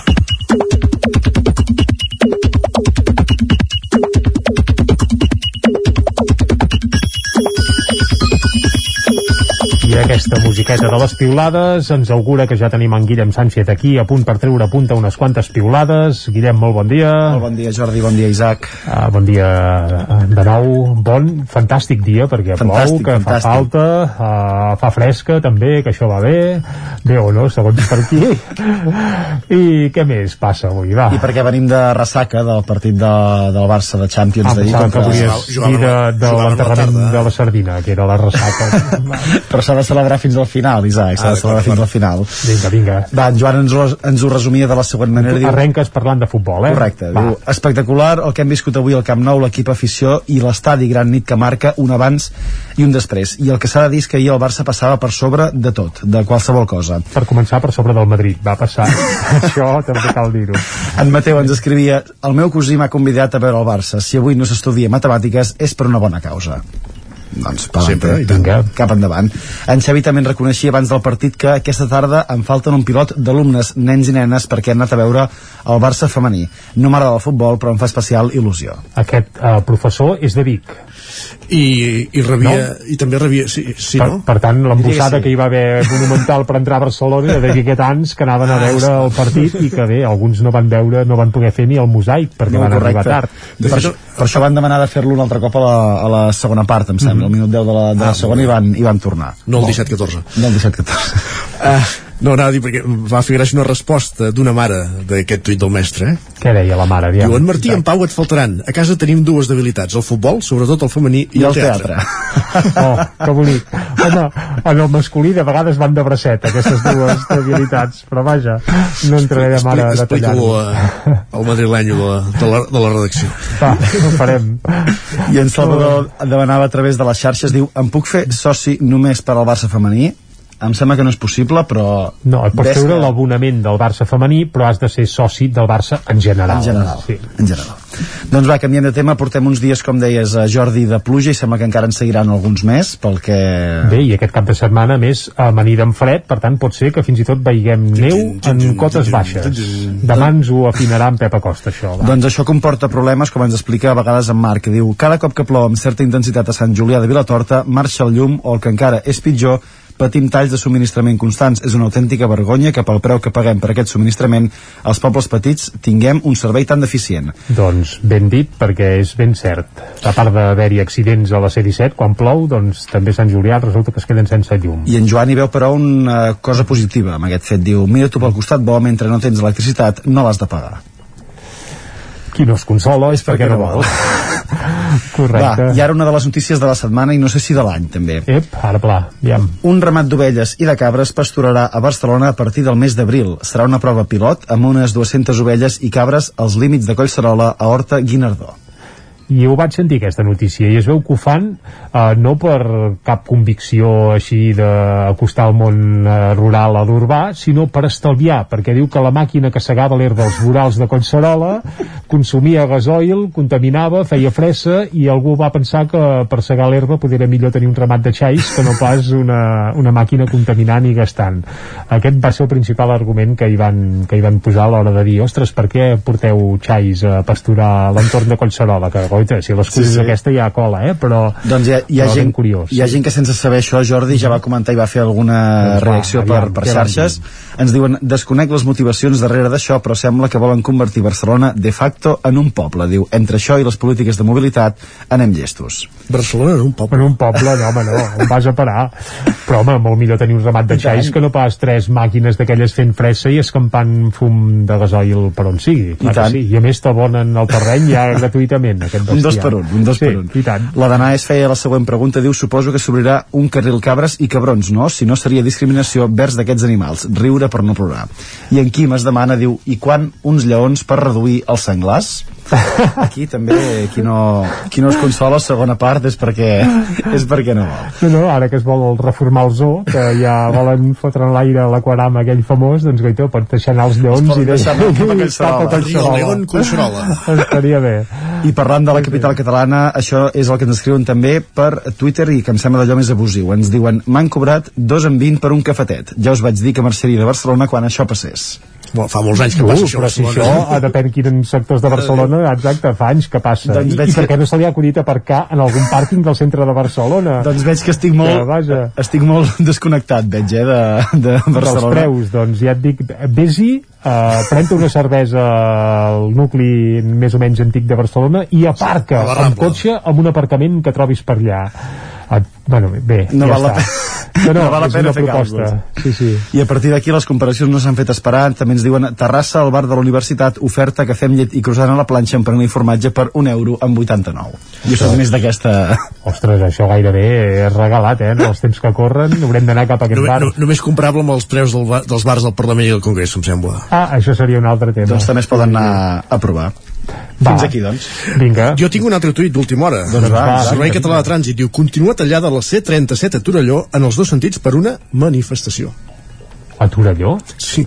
Carai, gratarem i investigarem aviam Que no cou. vagi lligat al, al tema de la vaga d'ensenyament, però és que ara mateix m'ha No, la deixat. vaga d'ensenyament en teoria es va acabar ahir. Era ahir. Sí, sí. No eren dos dies, aquestes vagues? Sí, 29 sí, i 30. eh, exacte, abans Ah, d'ahir doncs, i ahir, sí, doncs, sí, la vaga es va acabar ahir, a no sé que no se'ns sigui acuta per- la gent gran dels bancs que van donar un termini de tres setmanetes perquè passés alguna cosa, no sé, investigarem i ho aclarirem abans d'acabar el territori 17 d'avui. Ens posem deures ara mateix, va. Isaac, uh, Guillem, tanquem aquí el tema portades. tuits, fem un cop d'ull a les portades del 99.cat, ara mateix cap informe d'aquesta aturada que tenim a Torelló, però ens hi posarem ara mateix. El que sí que apareix al 99.cat del Vallès Oriental és que Gran Centre recuperarà l'Open Night el 17 de juny, això és allò una mica la nit de botigues obertes, en aquest cas a Granollers, al centre de Granollers, que per culpa de la pandèmia feia dos anys que no es feia, doncs el 17 de juny tornarà aquesta festa. També la Diputació recull en un llibre un centenar de plats típics del Montseny i Granollers recuperarà la porxada i la carretera eh, que el travessa per Sant Jordi, és a dir que eh, hi, tornarà, hi tornarà a haver parades de llibres a la porxada i també a l'eix que travessa eh, Granollers. Això durant el dia de Sant Jordi. Anem cap al 99.cat d'Osona i el Ripollès cobra parlant precisament del Lluçanès. Els pobles del Lluçanès reclamen recuperar el servei de salut que hi havia abans de la pandèmia. També hi apareix que un punt de recàrrega de cotxes elèctrics a Campelles, que s'estrena, i una persona ferida en un atropellament a Vic, un succés que va tenir lloc ahir. Doncs gràcies Jordi, que vaig arribats a aquest punt, anem cap a la taula de redacció.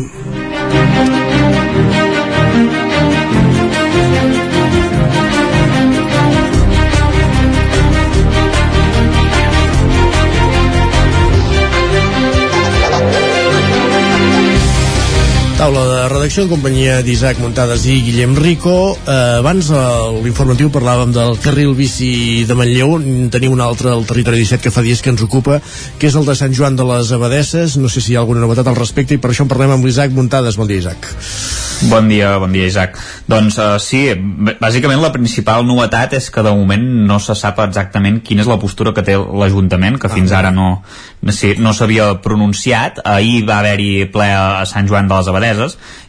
i en el torn de pregs i preguntes la última pregunta eh, del grup d'Esquerra Republicana va ser això, preguntar exactament què faria l'Ajuntament, perquè recordem que es van entregar 900, eh, més de 930 signatures eh, reclamant doncs, que s'elimini eh, aquest carril eh, bici.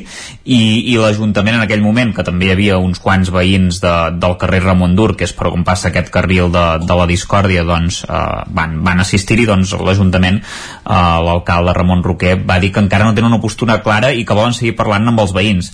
Eh, certament va com deixar la porta oberta que no es descarta que es, es pugui o mantenir, evidentment, o, o fins i tot es va posar la possibilitat de, sobre la taula de treure'l. vull dir que no, no es descarta aquesta possibilitat però que s'està parlant per algunes coses que va dir doncs, eh, l'alcalde el que sí que va sortir una mica així de mare va ser el tema de, de com, de com se n'havia assabentat sobretot Esquerra Republicana de tot plegat que es, perquè l'alcalde també els hi va dir que eh, ell no sabia exactament quina era la postura d'Esquerra que la trobaven ambigua perquè ells estan sempre a favor dels carrils bici eh, però en aquest cas quan es tracta de, de l'àmbit local de Sant Joan doncs aquí no acaben de tenir una postura clara deia, deia l'alcalde. I des d'Esquerra li van dir que ells estaven a favor del carril bici però que no en el lloc on s'havia eh, instal·lat i que, i que s'havien proposat alternatives eh, que no es van tenir en compte finalment eh, que queden una mica doncs, més, més allunyades una mica del centre eh? no, no gaires metres però no és ben bé el centre-centre de Sant Joan que serien el camí ral o, o darrere el camp de futbol per exemple eh, Sergi Albric, el porteu d'Esquerra va dir que se'ls va convocar el 16 de desembre de l'any passat eh, dient que el 18 hi havia una reunió per explicar doncs, aquest carril bici i que hi van assistir dos eh, regidors i que llavors el que va passar és que se'ls va ensenyar un projecte que ja està aprovat per decret d'alcaldia. Clar, ells es pensaven que anaven allà una mica a discutir què, se, què es faria i es van trobar que ja, ja hi havia aquest projecte sobre la taula que l'equip de govern ja havia aprovat. Uh, l'alcalde Ramon Roquer sí que va ser un ple una mica més crispat i va haver una mica més de debat més, més escalfat i en algun moment fins i tot es va sentir la paraula mentider pels dos bàndols vull dir que no va ser un ple eh, allò tranquil al 100% per dir d'alguna manera i, i l'alcalde Ramon Roquer els hi va dir que al novembre havien assistit a una altra reunió en què encara no s'havia cap, eh, aprovat cap document amb membres de, de l'associació de famílies d'alumnes i que ja es va parlar llavors del carril i que Esquerra doncs ho trobava, ho trobava bé i a més a més va, va dir que hi havia una regidora d'Esquerra que hi era present la qual eh, negava que hi fos vull dir que un dels dos evidentment no deia ben bé la veritat.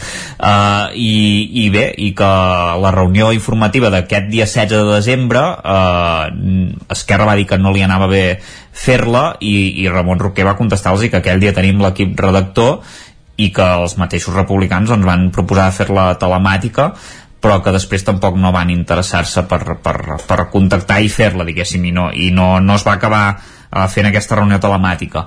Mm, bé, uh, hi ha una mica de, de run-run de veure què passarà amb, amb aquest carril. Uh, segurament no serà l'últim episodi i, i en tindrem notícies. L'equip de govern amb els veïns els hi va dir que s'ha de continuar parlant i que, evidentment, uh, s'ha de trobar una solució perquè veuen que evidentment hi ha una diu, de fet Roquer va reconèixer que no hi havia divisió al poble que se segurament per les firmes que s'havien recollit doncs hi havia bastanta més oposició al carril però que també a ell li havien arribat inputs de gent doncs, que hi estava a favor i per tant volien acabar de parlar amb tothom per veure com eh, poden uh, minimitzar doncs, tots els problemes que s'han causat en aquella zona i, i això passarà doncs, o, o per fer alguna, algun arreglament en aquella zona o, o, o senzillament per treure'l. Veurem què acaba passant. D'acord, gràcies Isaac. A vosaltres. Bon dia.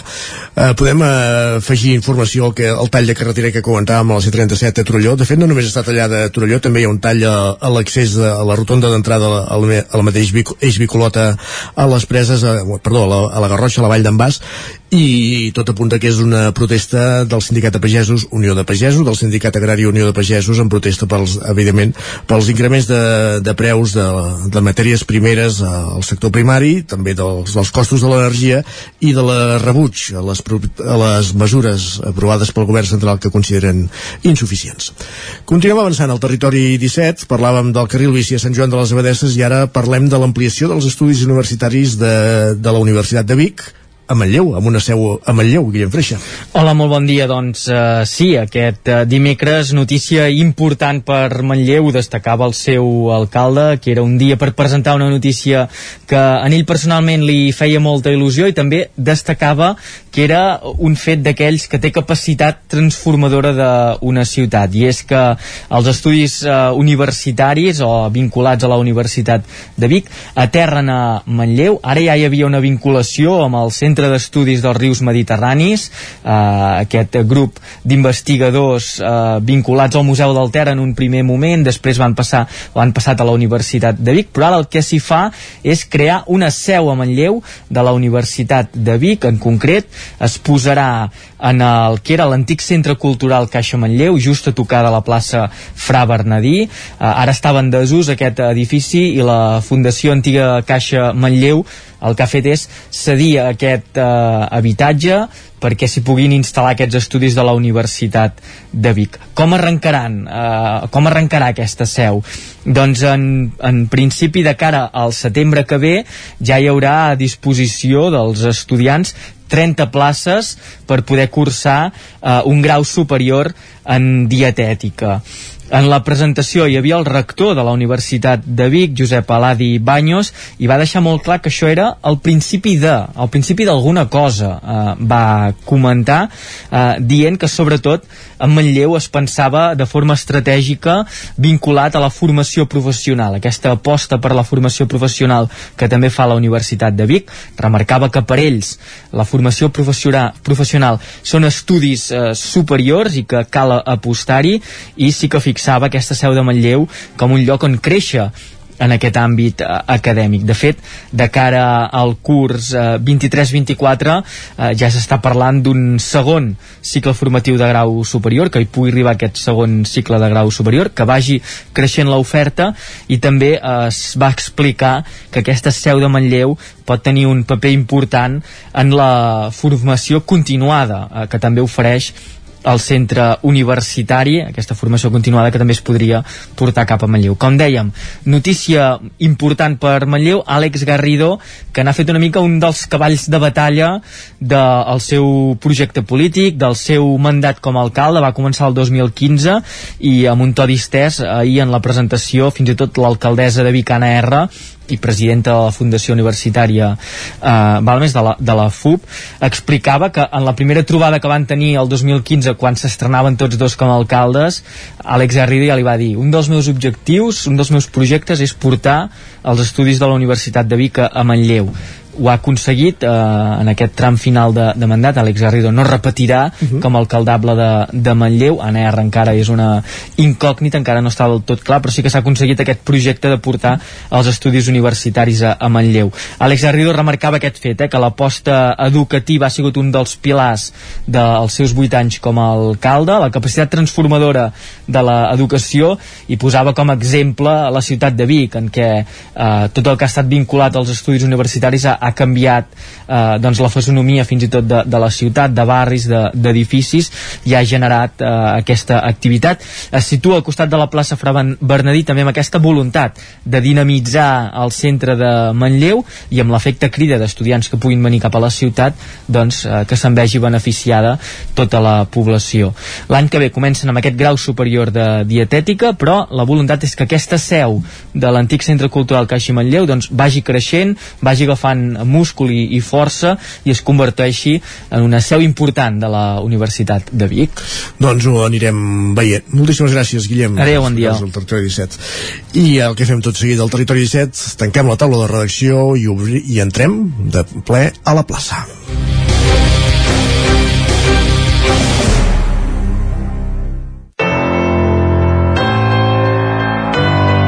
Territori, Territori 17. 17. Territori 17.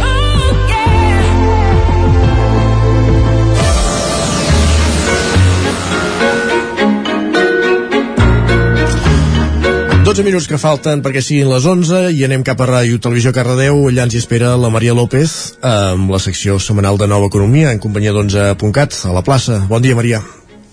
Molt bon dia Isaac, com estem? Molt bé, i tu? Doncs mira, aquí preparada, preparada una setmana més per, per donar-vos la benvinguda a la plaça i sí, aquest espai aquest espai terrenal on intentem fer comprensibles per tothom els grans dilemes i conceptes de la nova economia, des de la consciència de la situació del món i de la societat en la que vivim. I com ja sabeu, som davant d'un canvi climàtic que afecta de forma dramàtica les nostres vides com a éssers humans. I una forma d'actuar per aquest canvi climàtic és intentar desaccelerar-lo, canviant alguns dels nostres hàbits i tenint més informació per actuar en conseqüència. Per això, avui volem parlar de l'aigua. I em fa gràcia precisament que tractem aquest tema eh, quan venim ara d'uns dies de pluja que sembla que estiguem visquent a Londres, que ens hem traslladat automàticament. Però sí, avui parlarem de l'aigua, un dels nostres béns més preuats. I per això avui tenim amb nosaltres a la Coral Santa Cruz, que a més d'especialista en CRM, és enginyera química. Bon dia, Coral. Hola Maria, molt bon dia. I a l'altra banda del telèfon ens acompanya una setmana més la Gemma Vallet, que ella és directora d'11 District. Bon dia, Gemma. Bon dia, Maria. M'ha encantat Avui des de la distància. Sí. doncs som-hi, som-hi perquè parlarem de l'aigua eh, i parlem la, de l'aigua això des d'un dia que almenys a Cardedeu ens ha deixat una mica de treva aquesta aigua que porta ja unes quantes setmanes, quasi un mes eh, amb, amb aquests nivells de, de pluja que, que sempre ens, ens trenquen una mica el, el, el, ens deixen el cor dividit no? amb allò del per fi plou però al mateix temps ca, cas un dena que plou però, però entrem a la primavera, de fet, tot i que no ho sembli, i la primera pregunta obligatòria és quina és la situació actual respecte a l'aigua coral? Uh, tindrem sequera? Soluciona el tema? Hem arreglat amb aquest mes intens de pluja la situació de la que veníem? La veritat és que si m'haguessis fet aquesta pregunta al febrer, eh, els pronòstics d'aquest any eren eh, molt dolents, perquè els períodes de pluja normalment comencen a l'octubre i s'acaben al maig, i des d'octubre fins febrer no hem tingut gairebé pluges. Llavors eh, estàvem, com t'he dit, en un eh, pronòstic eh, molt dolent res, de, respecte als últims anys. Però sí que és cert que just ara és com has dit curiós que fem just aquesta entrevista després d'aquest mes que ha estat plovent hem arreglat una, s'ha arreglat una miqueta la situació no? Al una final. miqueta només. una eh? miqueta Amb, amb un mes només Ah, necessitaríem un parell de mesos més, quasi un... Sí, encara potser ens queda abril i maig, que hauria de ploure una miqueta més, però sí que és cert que s'han recuperat molt també els nivells de, dels, de, de, dels pantans de, del país. Uh, no sé si podem dir d'alguna manera qui, realment quin, quin, quina quantitat consumim al nostre, al nostre país d'aigua i, i d'alguna manera com, com podem equilibrar això, com la consumim? O sigui, nosaltres ens trobem eh, dins de la mitjana europea en un consum mitjà d'aigua. No destaquem ni per sobre ni per sota, però sí que és cert que en el nostre país, eh, degut a que tenim molt, eh, molta agricultura, la major part de l'aigua es destina en aquest sector i també eh, és un dels sectors que més, eh, més aigua, diguem, eh, rebutja no? amb el regadiu perquè amb, el, amb els sistemes de regadiu es perd molta aigua uh -huh. llavors també es desaprofita molta diguem que per exemple més o menys aproximadament el sector industrial i domèstic consumeix aproximadament un 20% de l'aigua Només un i el 20% de l'aigua. 80% restant es consumeix amb, amb el món agrícola Clar, més jo suposo que això també fa que no tinguem prou consciència, la gent de peu de carrer, eh, sobre el, eh, en quant a en quant a aquest consum, no? perquè no tenim la sensació aquesta que, que, que, que haguem canviat cap hàbit d'un dia per l'altre i suposo que de la mateixa manera tampoc som conscients de la pro- problemàtica que suposa si no et dediques a alguna, a alguna feina relacionada amb l'agricultura que necessitis aquesta aigua suposo que ens és Exacte. una mica difícil allò que diuen, no, ja va bé que plogui i tu per dintre estàs pensant, doncs t'anirà bé tu Ah, perquè exacte. dintre del nostre, nostre egoisme diari no, no li veiem aquesta... Clar, per nosaltres no és mm, ni tan important que plogui com que no plogui, saps? El que parlàvem, eh, tan dolents són els extrems per un costat que per l'altre. O sigui, és bo que plogui, però, per exemple, pel món agrícola les inundacions també són un problema. Uh -huh. Llavors, eh, si no et dediques a un sector en el que depens directament de l'aigua, no te n'adones ni de l'escassetat. Però aquí en el nostre país, ens, eh, o sigui, no sé quants ens deu mm, fer si ha, i si ha passat que haguéssim ting, haguem tingut problemes per excés de pluja. Eh, jo no, so, no sóc conscient de que haguem tingut problemes. Sí que quan hi ha pluges molt, molt, molt intenses, sí que hi ha problemes de que- d'inundacions en, el, en, en els camps, no? Uh -huh. Però més enllà d'això jo crec que no, no hem tingut aquest, aquest tipus de problema, perquè no som un, un país que tingui aquests tipus d'inundacions, uh -huh. d'aquest clima. Marxant una mica del tema de l'agricultura i entrant una mica en el que és el consum habitual des de casa, eh, què ens passa amb el plàstic? Clar, realment, eh, avui dia tot el que consumim porta plàstic, indirectament o directament, tot, tot, genera plàstic. O sigui, perquè ens fem una idea, en els últims 70 anys hem llançat el, més de 150 milions de tones de plàstic als 150 nostres rius, mars i oceans.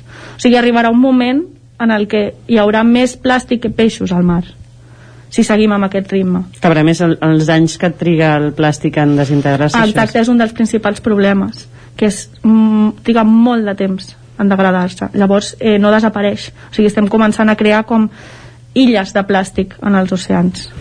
M'està venint al cap la, la pel·lícula de Wall-E, de di- dibuixos, no sé si són- és dibuixos, no? És, és això fet amb ordinador, però la, la sensació aquesta, la imatge aquesta de les tones i tones de bessura, d'alguna manera, de, de, de, de, de coses que no s'han pogut desintegrar, anem pràcticament i de manera directa cap a aquest futur catastròfic que, que plantejava aquesta pel·lícula, no? O, o realment hi ha hagut un canvi de, de consciència en aquest sentit? Hem de O pot- seguir treballant-lo, el canvi de consciència, perquè no ens adonem, és el que deies, igual que amb el tema de l'aigua, individualment no podem, potser no podem notar el canvi, però sí que si cadascú de nosaltres anem canviant a poc a poc els nostres hàbits de consum, eh, en un futur sí que es notarà. Uh, què significa realment aquest, aquest nivell de consum que parlàvem de, de plàstic a nivell de, de a nivell mediambiental, no? Què, què ens acabarà suposant tot aquest consum i realment a, a quin extrem hauríem d'arribar perquè això pari del tot? Clar, el consum de plàstic no només ens afecta també que el que et deia dels mars i oceans, sinó també generen microplàstics que tots els peixos i tot l'ecosistema marí acaba ingerint. Uh Mhm. -huh. O sigui, d'alguna manera aquests microplàstics poden arribar inclús a nosaltres quan mengem eh, peixos perquè forma part de l'alimentació d'ells. Són podríem, plàstics ens podríem arribar a trobar que es desaconselli des de salut, per exemple, Exacte. consumir peix Exacte. per... És que va, va molt més enllà de que s'aboquin els plàstics al, al mar. O sigui, té moltes més conseqüències que no només aquesta. Ens falta consciència. Sí, realment hem de ser més conscients de que pues, necessitem eh, reduir aquest consum de plàstic. Per exemple, bueno, un exemple molt clar és l'aigua embotellada. Consumim molt, moltíssim plàstic a l'any en aigua embotellada, i no només en plàstic, sinó també en diners. Ens costen molts diners. I produir aquest plàstic també contamina i també consumeix a part. No només és el post-plàstic, saps? El reciclatge de després o l'abocament de després, sinó també tot el procés per generar aquest plàstic. Quin seria l'ideal? Que, per exemple, canviéssim totes aquestes... Jo ara mateix estic bevent aigua amb una ampolla de plàstic. Clar, ara mateix depèn d'on et trobis eh, beure aigua de la, de l'aixeta Uh -huh. no és aconsellable perquè porta molta calç porta moltes impureses però hi ha sistemes que, puguem, que podem trobar per posar filtres en aquestes, en aquestes aixetes Uh -huh. i si realment féssim el càlcul ens adonaríem de tot el que estalviem a l'any a casa eh, en el, en els diners que ens costa eh, comprar totes aquestes ampolles Clar, o sigui, ja no és només la, el, el bé que fa a nivell mediambiental, el fet de passar... M'estic imaginant, no sé si és així, eh? el típic aparell aquest que tenen algunes cases enganxat a l'aixeta, sí. que és com un aparell d'osmosis, això? No sé Sí. si estic mentant. O Bueno, sigui, sí, ara, porta- ara igual estic porta filtres al final que retenen el, el clor, la calç, Mhm. sobretot, que són els principals, eh, les principals impureses que ens donen eh, aquest mal sabor no, de Sí. l'aigua de l'aixeta. Això seria una possible solució a casa Exacte. per no haver de comprar ampolles de plàstic a casa d'aigua i el consum a fora, quan estàs fora al carrer, potser canviar-les per vidre? També. Clar, ampolles, el que treballa, el que utilitzem, que ja cada cop més ho fem, són ampolles eh, que anem reomplint, ampolles de vidre que no llancem, que les utilitzem a diari. Mhm. Això també redueix molt el consum d'aigua embotellada. Què més podem fer d'al- d'alguna manera en aquest, per fer tota aquesta desacceleració, per si dir-ho d'alguna manera? També, de part, per la part de l'aigua, és important que no malbaratem aquest recurs. Al final pensem que és un recurs il·limitat, però en realitat no ho és. O sigui, tan important és que plogui com que cuidem la forma de consumir aquesta aigua. Llavors nosaltres des de casa nostra doncs, el que podem fer és eh, intentar no malbaratar aquesta aigua ni a la dutxa, saps el típic, encén la dutxa i fins que Les banyeres, no? Exacte. M'omplo la banyera, Ah, allò en plan Sí. tarda de relax. Totalment. Sí que és un ideal que després ningú quasi ningú pot fer, eh? però, però sí que és veritat que, que hi ha aquesta sensació de que igual no tenim aquesta consciència o no ens preocupem en el moment en què ens omplim una banyera, de dir, eh, com tenim ara mateix l'aigua al nostre país, és el que no? diem, pensem que nosaltres, el nostre, només la nostra persona no afecta al global, però clar, si tothom agafa aquests hàbits i tothom fa el mateix, en, la, tot el país o tota la comunitat aconseguirem reduir i millorar molt aquest, també el canvi climàtic, al final tot afecta, tot, tot està relacionat. Però aquest és al final sempre el problema de, de qualsevol consciència individual o social, no? Vull dir, si un, aquesta sensació de que, si total, perquè jo m'ompli la banyera no canviarà res, Exacte. no? Però aquí llavors quasi el que ens falta és més tot un tema de- d'educació de, base. Exacte. Sí, com a cultura i com a societat, que no sé si això es podria... O sigui, si penses, eh, ja, que això des, quasi des de les escoles s'hauria de fer més aquesta conscienciació. O ja s'està fent. De jo crec que s'hauria de fer més, o sigui, sí que s'explica, però jo crec que amb el temps es comença a fer més. Que Nosaltres també intentem eh, això, no?, des de la nostra comunitat, des de la nostra plaça, intentar inculcar tots aquests valors i, i fer veure a la gent la situació actual en la que ens trobem i que hem d'agafar consciència m'està o sigui, m'està flipant una mica com va de lligat perquè d'alguna manera la plaça és una, és una secció d'economia és una secció mm -hmm. de, Mhm. de, on, on parlem dels nous valors i cap, cap a la nova tendència com cada vegada va més lligat al factor economia perquè ja ens hem trobat en diverses situacions en diverses tertúlies o diverses entrevistes a la plaça que va més lligat la situació mediambiental a, a l'economia, o sigui, cap on, cap on hem de dirigir-nos, cap Clar. on ha d'anar tota aquesta... És que al final tot va lligat, o sigui, és, eh, no només hem de buscar les millors pues, solucions financeres o econòmiques, sinó que també hem de eh, conscienciar la que a l'estalvi, d'alguna manera, no estalvi financer, sinó estalvi pues, com pot ser el consum d'aigua o el consum de plàstic, eh, també ens ajuda financerament. O sigui, al final és com un global, no? que ens ajuda, tot eh,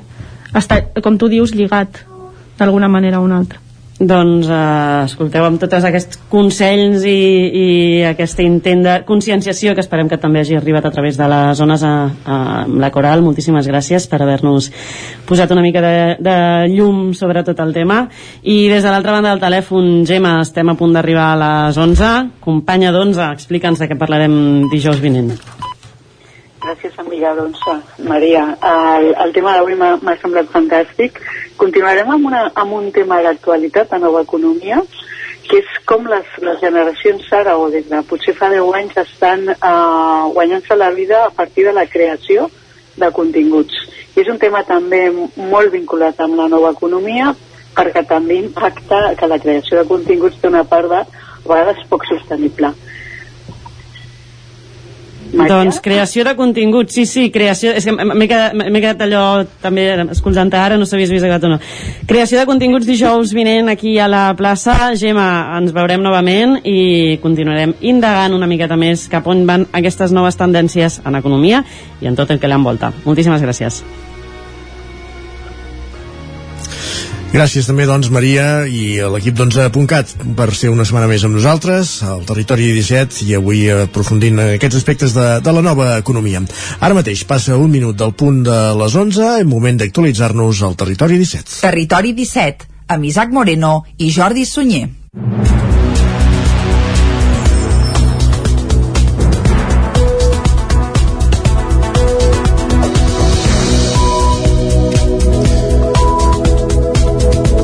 I aprofundim en aquesta informació que us anàvem fa una estona, que l'eix bicolot pateix, pateix talls de, per una protesta, per una manifestació, en aquest cas una protesta d'Unió de Pagesos. Hi ha talls tant a Torelló com a la Vall d'en Bas, a la rotonda d'accés a, a l'eix bicolot de, a la, C, a la C37 des de la Garrotxa. Eh, en, la, en el marc de la campanya d'Unió de Pagesos la pagesia diu prou, es queixen pels increments de preus de matèries primeres també pels, pels increments de preus dels costos de l'energia i per les mesures que consideren insuficients que aprovava dimarts el Consell de Ministres però també per la licitació perquè el Departament de Territori ha tret a licitació el projecte de les variants de les preses i Olot de l'eix Biclot i que passa evidentment pel que ara són camps agrícoles. Per tant eh, els pagesos, els que treballen en aquests camps protesten per aquests projectes eh, de variants de, de les preses i Olot que no, on uns projectes on no hi ha consens i amb els quals no, no hi estan d'acord. Com dèiem, protestes avui a l'Eix Bicolot, la C37, a Torelló i a la Vall d'en Bas, ho explicàvem eh, fa una estona aquí al territori 17 i aquests són els motius. Com dèiem, moment ara també per aprofundir en altres aspectes de l'actualitat com el nou pas endavant perquè el polígon industrial del Pla de Mas, del Mas a Manlleu sigui una realitat. L'Ajuntament ha obert la licitació de l'obra per un valor de 8,3 milions d'euros. El nou polígon ubicat a la zona nord de la ciutat tindrà 66.000 metres quadrats de sol urbanitzable. L'Ajuntament de Manlleu ha obert la licitació per les obres del nou polígon industrial al Pla del Mas, que tindrà 120.000 metres quadrats, 66.000 dels quals de sol industrial edificable. El valor total de la licitació és de 8,3 milions d'euros, a repartir entre l'Ajuntament, que en paga 1,3, i els propietaris. La construcció està previst que s'executi en, 16, en 16 mesos i inclou també la ronda que passarà pel nord del municipi i que ha de treure el trànsit de camions pesats del centre. El punt es va entrar per la via d'urgència al ple municipal d'aquest dimarts. L'alcalde, Àlex Garrido, explicava que s'ha considerat oportú tirar-lo endavant, tot i les dificultats que està generant a les obres públiques l'increment de preus de les matèries primeres. Escoltem a Àlex Garrido. Ara estem en una situació molt complicada, eh, en la qual hi ha obres públiques que queden desertes. Eh? Eh, no sabem l'escenari eh, eh, que ens trobarem d'aquí um, dos, tres mesos. Ara és un bon moment. Ho hem accelerat tot eh, per fer possible aquest creixement.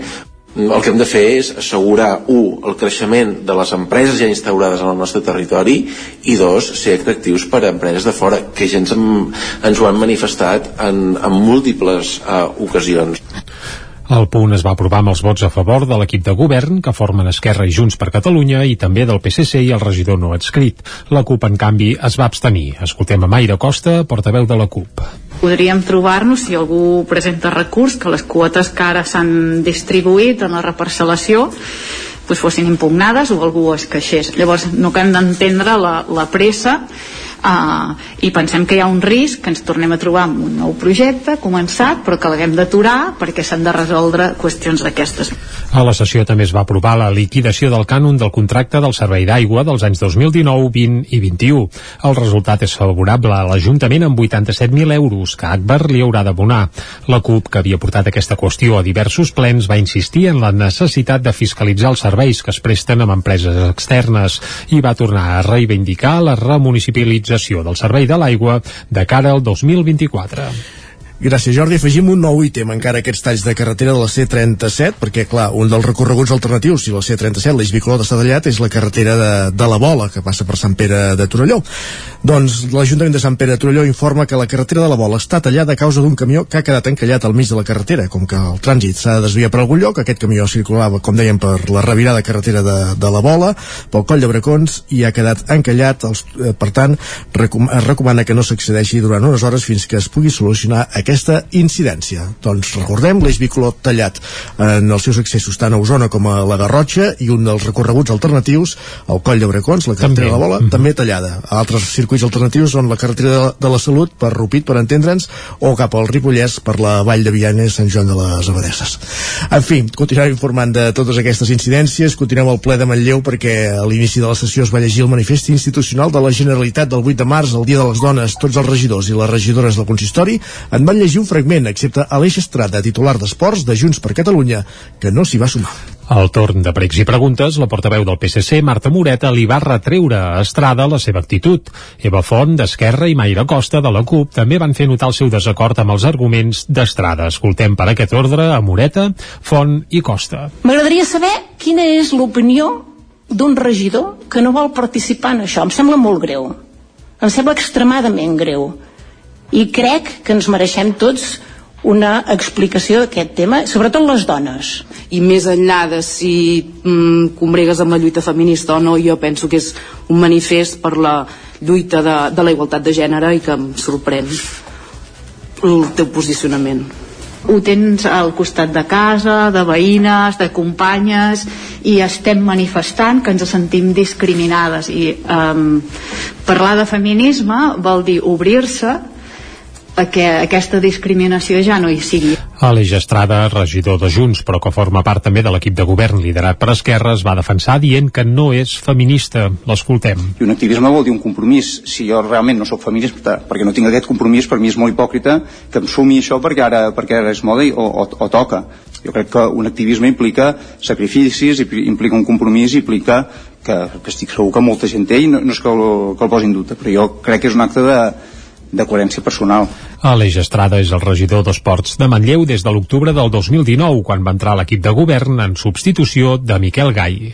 Les sequeres extremes i continuades afavoreixen l'expansió de peixos exòtics i d'algues als rius de Catalunya. L'escalfament de l'aigua ha empès la truita de riu a trams de muntanya i la bagra ha desaparegut dels rierols. Les sequeres extremes i continuades que s'han vist els últims anys a Catalunya per culpa del canvi climàtic han empitjorat la qualitat de l'aigua dels rius i han reduït la biodiversitat. Així ho constata el darrer estudi del Centre d'Estudis dels Rius Mediterranis, el CERM, amb seu a Manlleu, que alerta que la baixada del nivell dels aqüífers ha afavorit la proliferació d'algues i també de peixos exòtics més resistents a aquesta nova situació. També ha desplaçat espècies autòctones com la truita de riu a zones de muntanya, mentre que d'altres, com la bagra, han desaparegut de molts rius. Des del CERM també apunten que la sequera és un fenomen natural i que els organismes que viuen en entorns mediterranis estan acostumats a les oscil·lacions d'aigua, però no als episodis tan extrems i continuats que es viuen darrerament. I aquest any, malauradament, no està sent una excepció. La qualitat de l'aigua cada cop està pitjor i el sistema de fauna aquàtica als rius és més simple, expliquen des del centre. L'augment de temperatura del, dels rius ha expulsat espècies autòctones com la bagra, un peix molt comú als rius de Catalunya, que ha anat desapareixent de molts punts del territori. D'altres, com la truita de riu, molt present en trams mitjans com el Ter a la plana de Vic, s'han desplaçat fins a zones de muntanya on l'aigua és molt més freda. Per contra, els peixos exòtics han proliferat en molts punts, sobretot en rescloses i zones d'aigües tranquil·les, i ara ja són més del 90% del total d'espècies. La sequera està lligada a múltiples causes, però segons l'informe del Centre d'Estudis dels Rius Mediterranis cal implantar canvis de forma urgent. El primer passa per reduir al màxim el consum d'aigua, deixant, per exemple, de regar la gespa.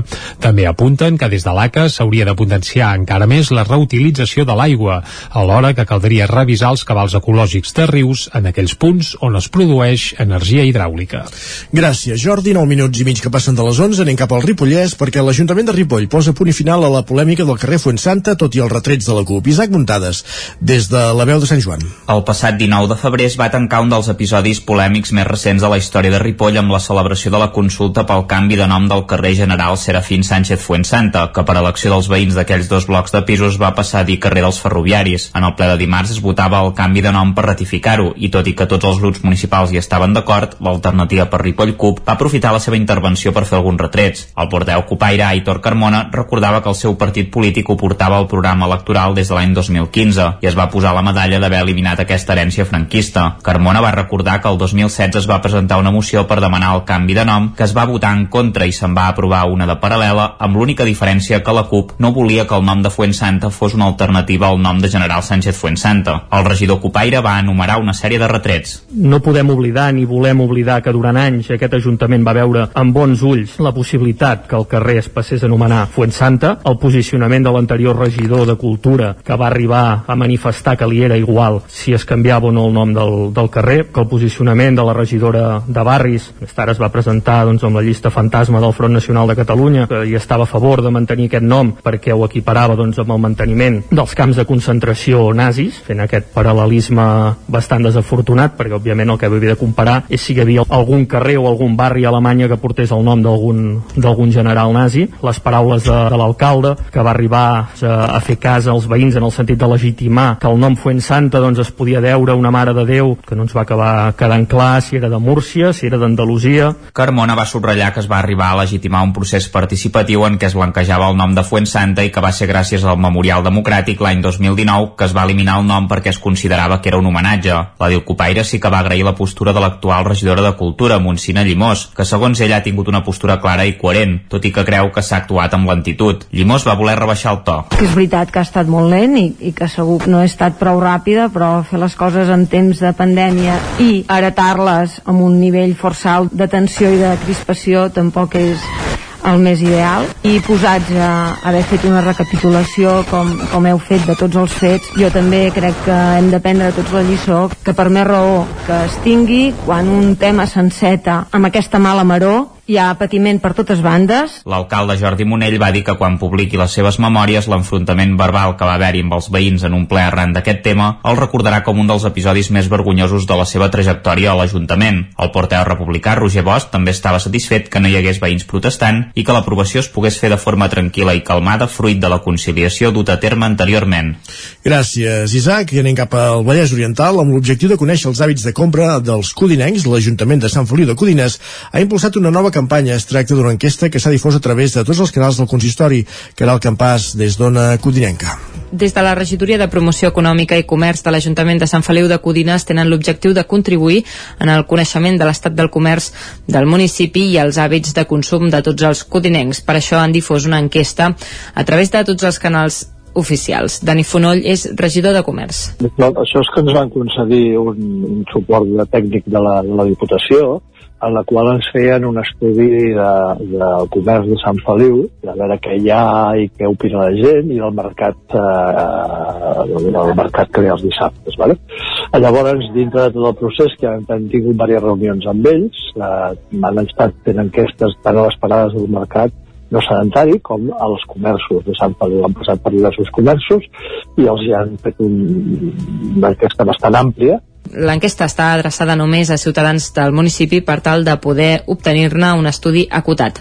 Algunes de les preguntes que es fan són quines són les raons que et porten a comprar fora de Sant Feliu de Codines o quins o quin d'aquests factors farien que les compres que fas fora del municipi o per internet les fessis a Sant Feliu de Codines. I un últim punt de l'àmbit cultural, el fotògraf granollerí Joan Fontcoberta ha estat investit doctor honoris causa a França. La Universitat de París 8 el distingeix per la seva capacitat de reflexió entorn dels canvis socials en el món contemporani.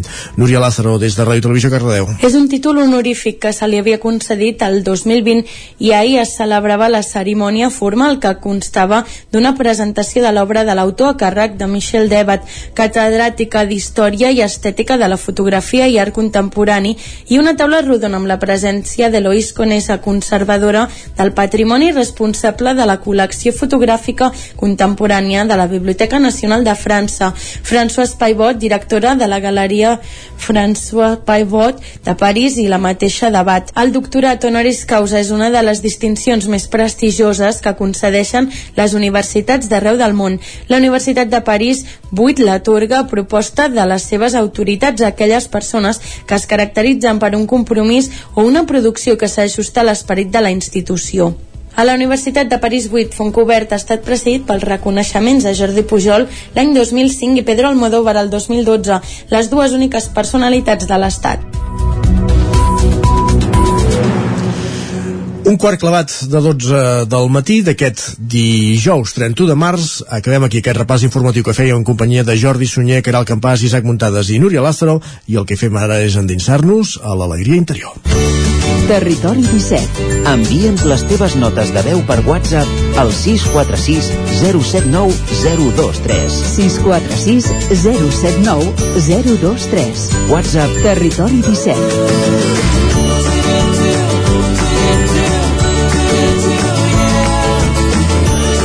Territori 17. Som a Facebook, Twitter i Instagram amb l'usuari Territori 17.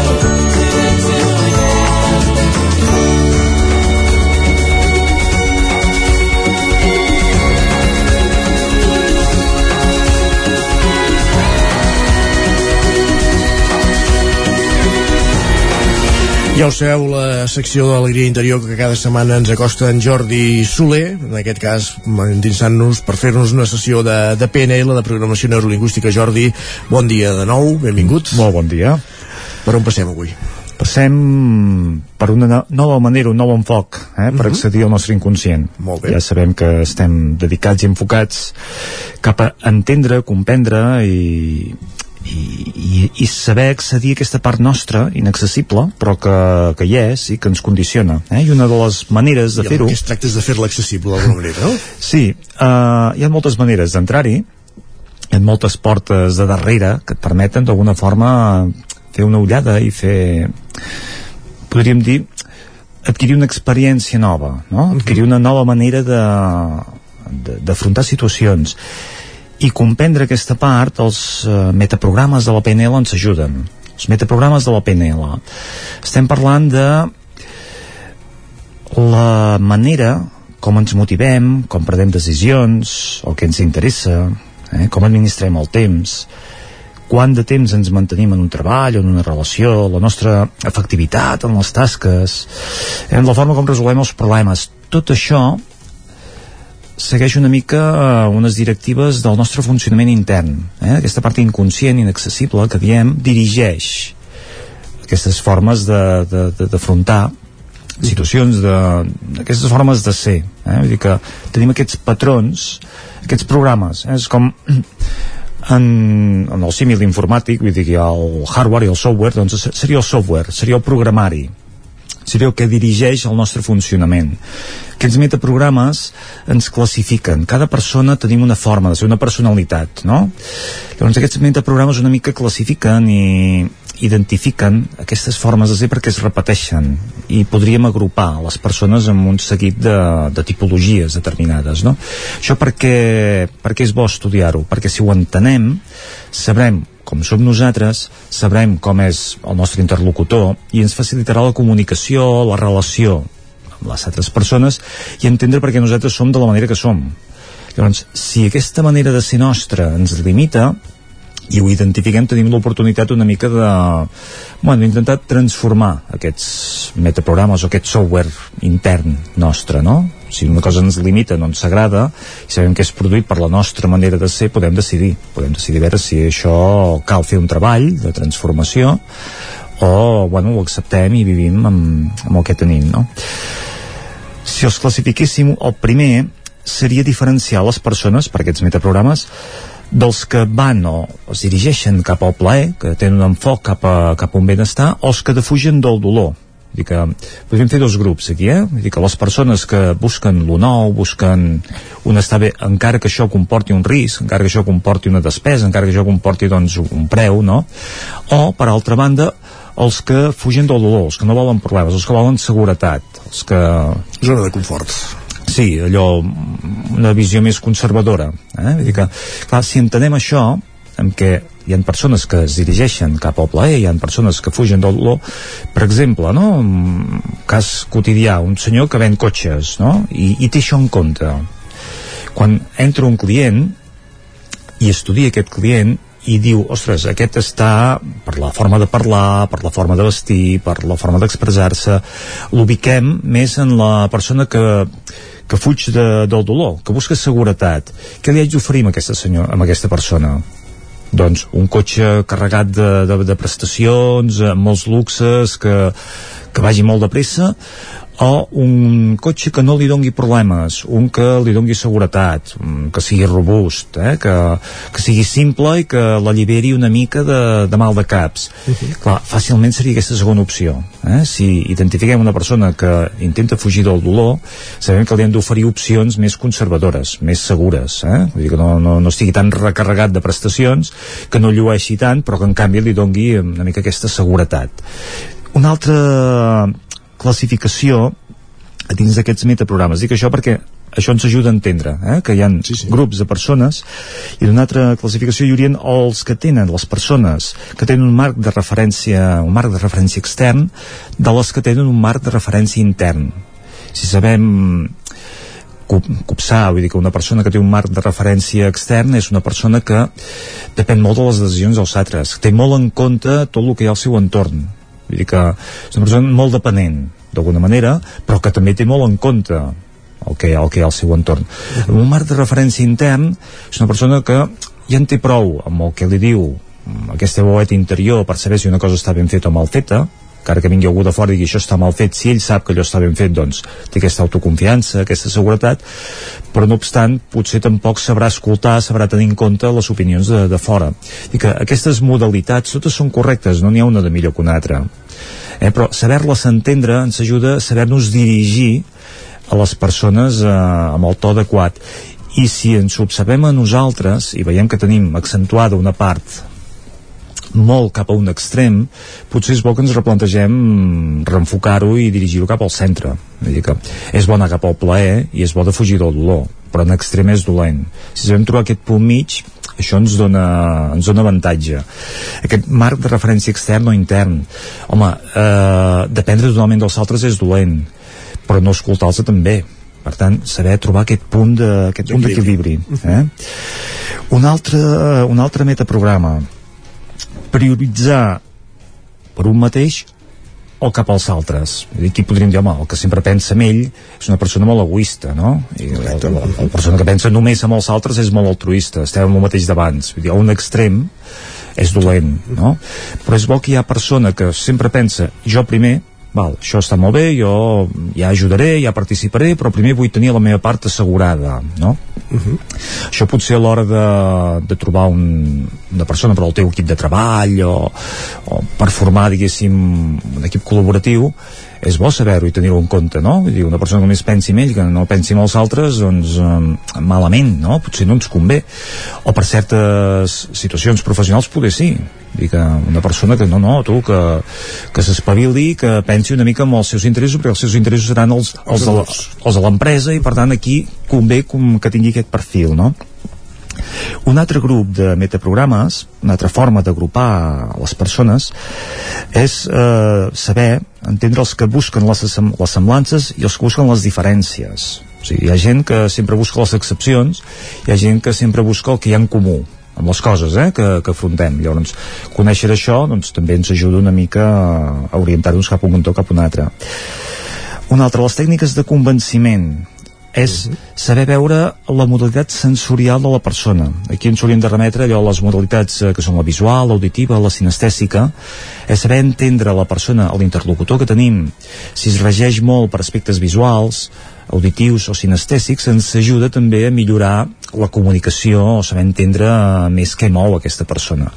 Si és una persona que, que, bueno, que li haig de transmetre un missatge, l'haig de convèncer d'algú, m'ha d'entendre en algun sentit i utilitzo la terminologia adequada, allò més en termes visuals, perquè veig que és molt visual, doncs la comunicació serà més fàcil, serà més fluida, no? I veure també una mica amb quina freqüència se li ha d'anar introduint aquesta terminologia visual. I que si és una persona visual, també has de veure que de tant en tant necessita doncs, aquests aspectes, aquests aspectes visuals que, que es tinguin en compte. Doncs hi ha un altre grup de persones bueno, un, altre, un altre metaprograma uh -huh. que ens diferencia uh, les persones que busquen les possibilitats versus les que busquen les necessitats o sigui, hi ha sempre hi ha, hi ha persona que, ostres, de tot en veu una oportunitat hi ha persona que, bueno, que es regeix molt amb el que es necessita en amb el que es necessita no? Mm. és allò, mm, toquem, siguem més conservadors una altra vegada aquí estem veient els oportunistes les persones que busquen el lloc per que veu més enllà eh, per, sí, per entrar i, i buscar terreny i explorar jo que toca més de peus a terra de dir, bueno, centrem-nos més amb el que amb el principal, no? amb el que necessitem Vull dir que abans d'anar a una altra zona assegurem la, la que tenim no? Una altra, i fixa que anem, anem avançant perquè ens quedem sí, sí. amb poc temps les estratègies de treball hi ha els que tenen una, una connotació més independent, vull dir que són ells sols, aquí entraríem amb algun altre metaprograma també que ja parlava d'aquells que buscaven el, el marc de referència interna, eh? els que tenen una, un sistema de treball autònom, independent, versus els que tenen un sistema de treball col·laboratiu, els que necessiten l'altra gent per, per treballar i el tercer grup de proximitat que seria un entremig. Vull dir que saber diferenciar les persones que, que necessiten estar soles de les que necessiten tenir un equip de treball de les que necessiten prendre les seves decisions en companyia de aquests tres grups també ens ajuden a classificar. Si hem de formar un equip i veiem i coneixem els elements d'aquest equip sabem quin lloc ha d'ocupar o per quin lloc és òptim eh, cada, cada persona, no? persona. Doncs són metaprogrames que han de tenir en compte molts aspectes de, de la vida un de molt evident era com comentaves en el dels recursos humans a l'hora de, de buscar professionals per als llocs de treball però segur que en molts altres aspectes de la vida es poden fer servir aquests metaprogrames a l'hora de trobar els equilibris entre les diferents necessitats, no? Aquest, aquest software intern eh, que d'alguna forma ens ajuda a connectar amb l'inconscient, eh, perquè tot això és automàtic, això surt, però quan ho fem evident, quan ho traiem a fora, ens permet transformar-ho, eh, mm. adaptar-ho. Jordi Soler, moltíssimes gràcies per ser una setmana més amb nosaltres. A vosaltres. Bon dia. Bon dia. L'espai, l'alegria interior, l'espai de PNL que tenim cada setmana al Territori 17. Amb ell arribem a l'equator de la darrera hora del programa. Fem una petita pausa i tornem tot seguit amb la crònica de l'R3 del dia i amb el cinema. Fins ara. El nou FM, la ràdio de casa, al 92.8. Arriba la primavera i tornen les samarretes. A Gràfic tenim una extensa varietat de samarretes per vestir el teu personal, promocionar la teva empresa, club esportiu, associació... Si estàs organitzant un esdeveniment esportiu o una festa cultural, una samarreta és una bona opció per lluir la teva marca. Ja ho saps, si el que necessites per la teva promoció és una samarreta, Gràfic és el teu proveïdor. I ara també tenim a la teva disposició samarretes 100% reciclades tant de cotó com de polièster.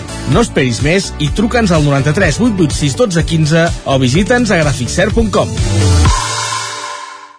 El racó de León ja és primavera.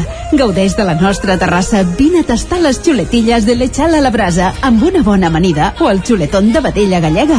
No et pots perdre el nostre lechado de Castilla al forn o el cochinillo a l'estil de Segovia, tot acompanyat del millor celler, al menjador o fora la terrassa. Descobreix la millor cuina de Lleó sense moure't de casa. Vine amb la família, els amics, la parella o sol. T'encantarà. El racó de León, cuina tradicional lleonesa i de mercat. Som al carrer Torelló número 35 de Vic. Per reserves, telèfon 93 889 1950. El racó de León, una cuina diferent. A la Clínica Dental Sant Fortià hi trobareu un equip professional que treballa de manera coordinada per oferir un tracte sensible i humà. Estem preparats per qualsevol urgència dental i oferim accions preventives per la tercera edat i els infants. El doctor Ramon Garcia, implantòleg de Barcelona, fa 10 anys que visita Torelló. Clínica Dental Sant Fortià. Ens trobareu a la plaça Sant Fortià número 9 de Torelló al 93 859 6408 i al 690 92 51 99.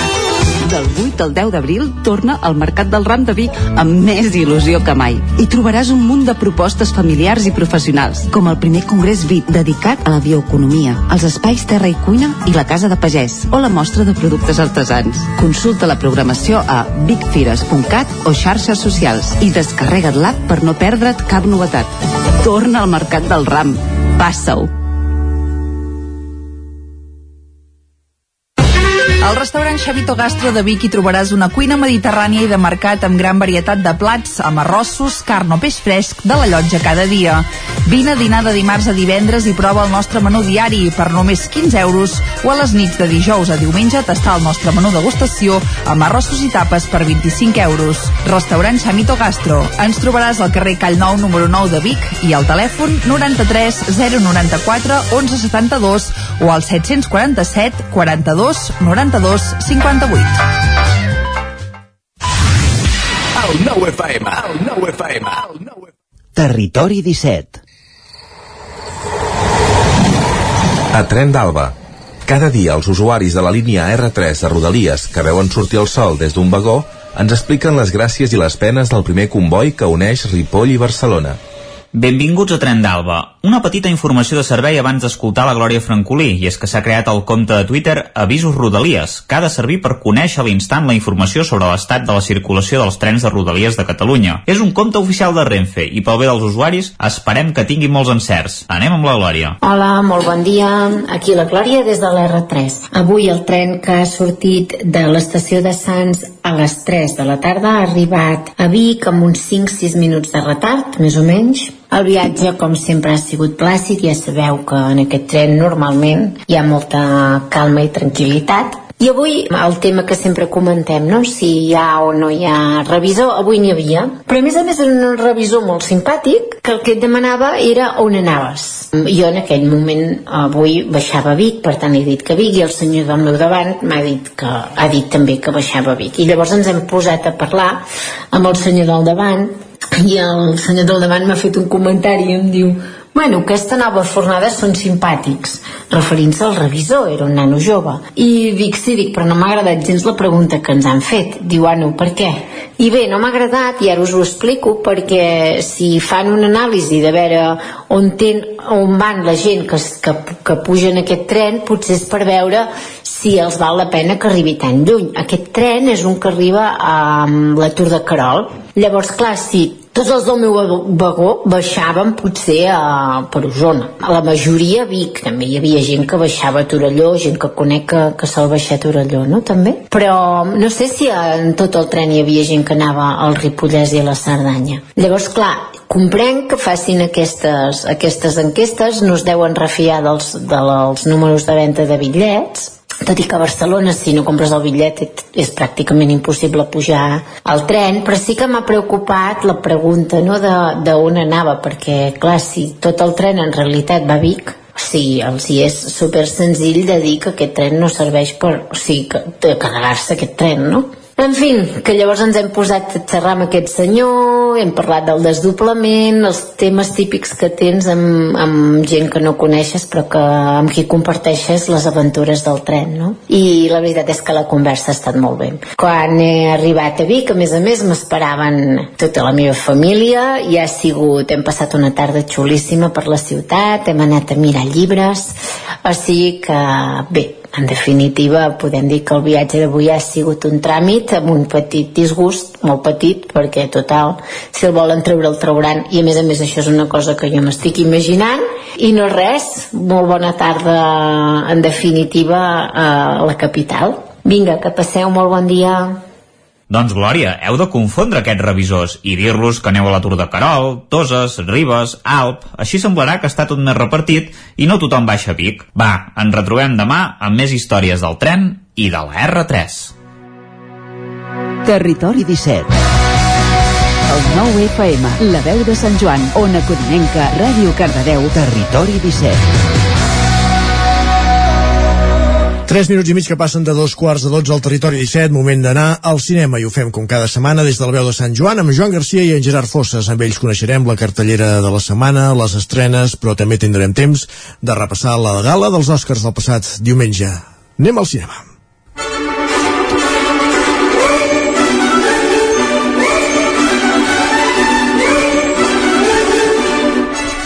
Una setmana més, moment de donar la benvinguda al nostre col·laborador, en Gerard Fosses, per parlar de cinema. Hola, Gerard. Hola, què tal? Com estàs? Bé, aquí encara superant el jet lag del canvi d'horari, dels Oscars i tot plegat. De ressaca, no? També? Sí, bueno, no, ressaca no. No, no. ressaca són els diumenges i prou. Ah, no. També vaig veure que, que algú t'havia deixat un compte de Movistar Plus per poder veure la gala i que en el moment donat Uh, quan tocava no vas Sí. poder i vaig dir igual doncs ja que era aquella hora i no sé i que va canviar Ah, un no, canvi de no. plans que no haguessis anat a la nevera no sé No, al final, mira, vaig mirar un capítol de The Office, que em vaig perdre l'inici de la gala i vaig pensar, mira, prendre pel sac. mm. I llavors sí que vaig aconseguir fer uns tràmits i després sí que em van deixar un compte de Movistar que el podia veure. Val, I és a, em vaig enganxar a la gala que em vaig perdre 30-40 minuts eh, afortunadament ah, t'anava a dir, que dic, va ser la resta a, a, vegades és, a vegades és perdre, a vegades és guanyar, depèn de com tu miris. sí, sí En tot no, cas, en aquest cas va ser guanyat, va ser guanyat en tot cas això no, evidentment ja han passat uns quants dies i, i se n'ha parlat força però s'ha parlat més de- d'aquesta aquesta bufetada de Will Smith a, Sí. a Chris Rock per una broma uh, sobre, sobre la seva dona i, i una malaltia que té no sé, no sé si vols parlar d'alguna cosa de fer alguna reflexió Bueno, la, la reflexió bàsicament és el que em feia abans de la gala, que és que els Oscars han perdut interès. O sigui, I a més a més és això, ve- ve- veient la transcendència que, que ha tingut, és que no, no s'ha parlat gens de cinema. O sigui, ha guanyat a més a més Coda, com era mitjanament previsible, que també és una pel·li que no se'n recordarà ningú d'aquí uh, a un any i a més a més això demostra que quan, quan en vam parlar que es va estrenar dius, "Mira, vale, és una bona pel·lícula, valors positius i tal però al final és una cosa molt, molt superficial que és molt del, del moment present no té res de memorable i de fet no la van posar a cap cine d'aquests propers nostres per exemple. Mm -hmm. i ara sí que he vist que l'han recuperat en algunes cartelleres perquè ha guanyat l'Oscar. A més a més, si Però, clar, no, si no recordo malament era, és una versió americana d'una pel·lícula francesa vull dir que en el seu moment la francesa Sí. suposo que també eh, devia tenir el, el seu valor si el té ara aquesta no? que també podia haver guanyat algun premi i no ho va fer-ho Sí, però, però no va passar per enlloc, perquè és una d'aquestes pel·lícules eh, molt d'això de la indústria francesa que, que funcionen bé en el seu territori es va estrenar internacionalment però no va tenir cap mena de, de repercussió, sí que va ser un, una mica un boom del seu moment però ja està, no? com pot passar amb qualsevol pel·lícula d'aquestes mm. Bé. però bé, els Oscars ten- tenen això, aquest problema que és eh, han perdut l'interès aquesta fórmula d'entregar aquests premis fora d'emissió mentre s'està celebrant la Fombra Vermella mm, va quedar una cosa molt desengelada no? per exemple el premi a a Olimpia Parabrisas al curt espanyol es va, no, sigui, no es va ni veure, es va anunciar per Twitter i ja està Mm. um, i és una mica, jo crec que s'han de reformular moltes coses i crec que el principal problema és aquest contracte que tenen amb la, amb l'ABC, no? la cadena de televisió que retransmet i produeix els Oscars, que, que bàsicament està enfocada a les audiències i estan fent experiments molt estranys eh, per, per intentar rescatar aquesta audiència que han perdut i que segurament no recuperaran. Per tant, segurament els Oscars el que han de fer és separar-se de l'ABC, reformular-se, trobar vies noves amb streamings o el que sigui, fer una cosa més oberta i que el cine torni a ser protagonista. I sobretot donar-li un sentit d'espectacle a la gala. I, per exemple comentava abans amb un company no, que aquella gala, l'última gran gala que es recorda és aquella que va presentar Hugh Jackman l'any 2009 que, que era molt de Broadway, no? així amb números musicals, on, on el, el presentador fa de fil conductor una mica de, de showman, realment se celebrava també el, el cinema i la gala en si mateixa doncs tenia un què, no? però mm. això s'ha anat perdent i estan com donant toms que no saben què fan i a més a més com que la preparen amb un mes d'antelació mm.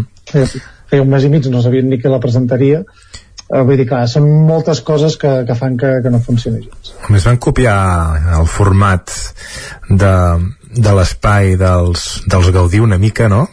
Uh, sí, no, en el sentit no d'aquest no escenari 360 graus, sinó de, de, de posar la gent en taules com si estiguessin en un mm. restaurant o en un bar, que realment suposo que per l'experiència de la gent castellà és molt millor, mm. però és un rotllo perquè tu que et fa gràcia és veure tota la gent junta no? Uh, i, i veure sí, la reacció sí. dels uns i la reacció dels altres i justament uns et tapaven els altres i quan feien un pla no es veia, no es veia res no? vull dir que justament amb, amb el que va passar amb Will Smith hagués fet gràcia veure la reacció de molta més gent de la que vam arribar a veure no? Sí.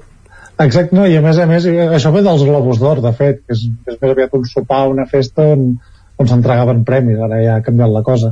Mm. Però, però clar, el fet que vagin incorporar també els Oscars sí que és veritat que televisivament és una mica estrany. Mm. Mm. Uh, però bueno, és això, dic, jo crec que han de replantejar moltíssimes coses perquè això torni a guanyar interès.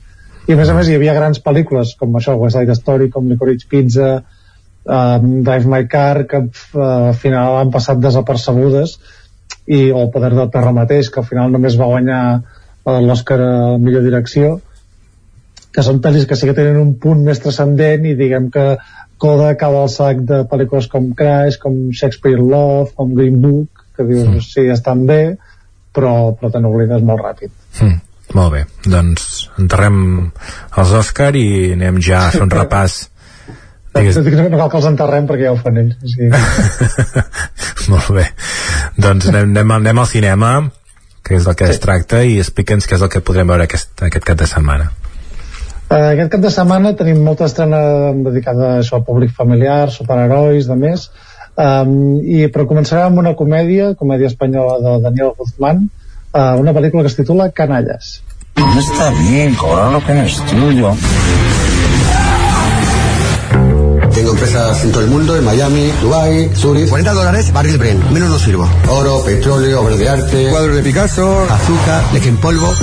Distribuimos solamente en grandes cantidades. Roberto, te llamo. Los kilos para supermercados. Joder, pero menudo pelotazo que has dado, ¿no, cabrón? Bueno, vale de verte, tío. tío. Que vaya bien, ¿vale? ¡Vale! Hay que hacer la compra, Joaquín. Hay que pagar el viaje de fin de curso. ¿Y a qué esperas? A que me traigan dinero. Joaquín González no paga. ¡Oré! No t'havies ido a vivir fora. Bueno, doncs ja ho veiem, eh? Primer un home així d'èxit de negocis, amb unes, pin, amb unes pintes típiques i tancant negocis, però després veiem que realment tot és una farsa. Sí, exacte, és aquest eh, l'empresari flipat, que en podríem dir, i que s'ajunta amb dos amics de, de la seva època de joventut, quan, quan això de, del barri i tal, i, i diguem que, que és una història de, de despropòsits. Uh, els protagonistes són aquests tres amics que intenten uh, salvar el, el protagonista, aquest empresari d'un embargament. Uh, i òbviament el, les seves uh, tequinyudes o artimanyes fan que les coses cada cop vagin pitjor. I ja no seguim també a la seva família.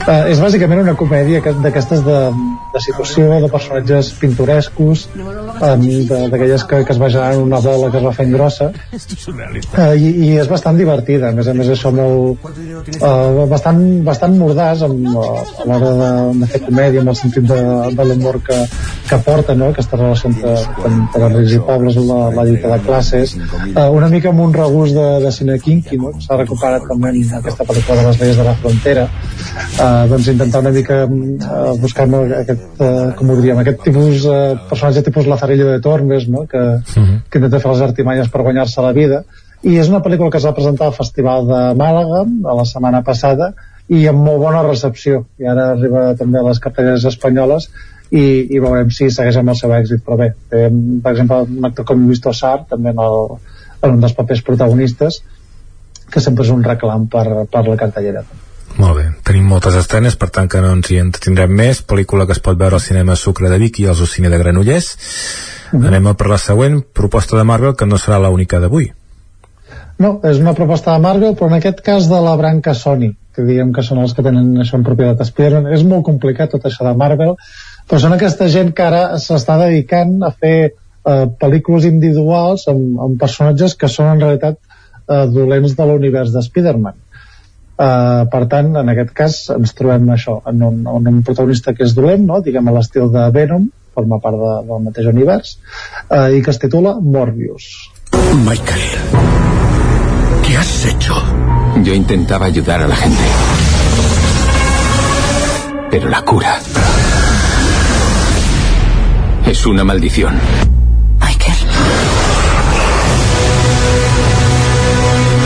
Tengo poderes que solo pueden describirse como sobrehumanos. Pero tiene un precio. Ahora tengo que elegir cazar y consumir sangre. O morir. Todos tenemos monstruos dentro. Molt bé, em sembla que no, no decideix pas morir, eh? Uh, no, exacte.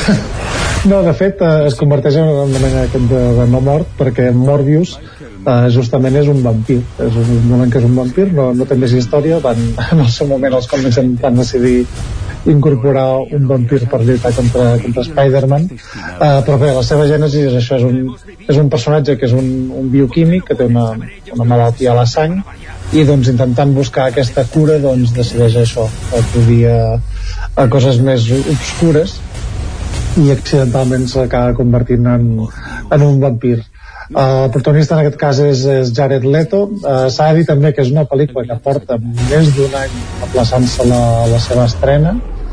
I, i veurem com encaixa sobretot en aquest univers de, de Spider-Man que ja sabem que a partir de No Way Home doncs, han quedat aquesta mena de, de multivers.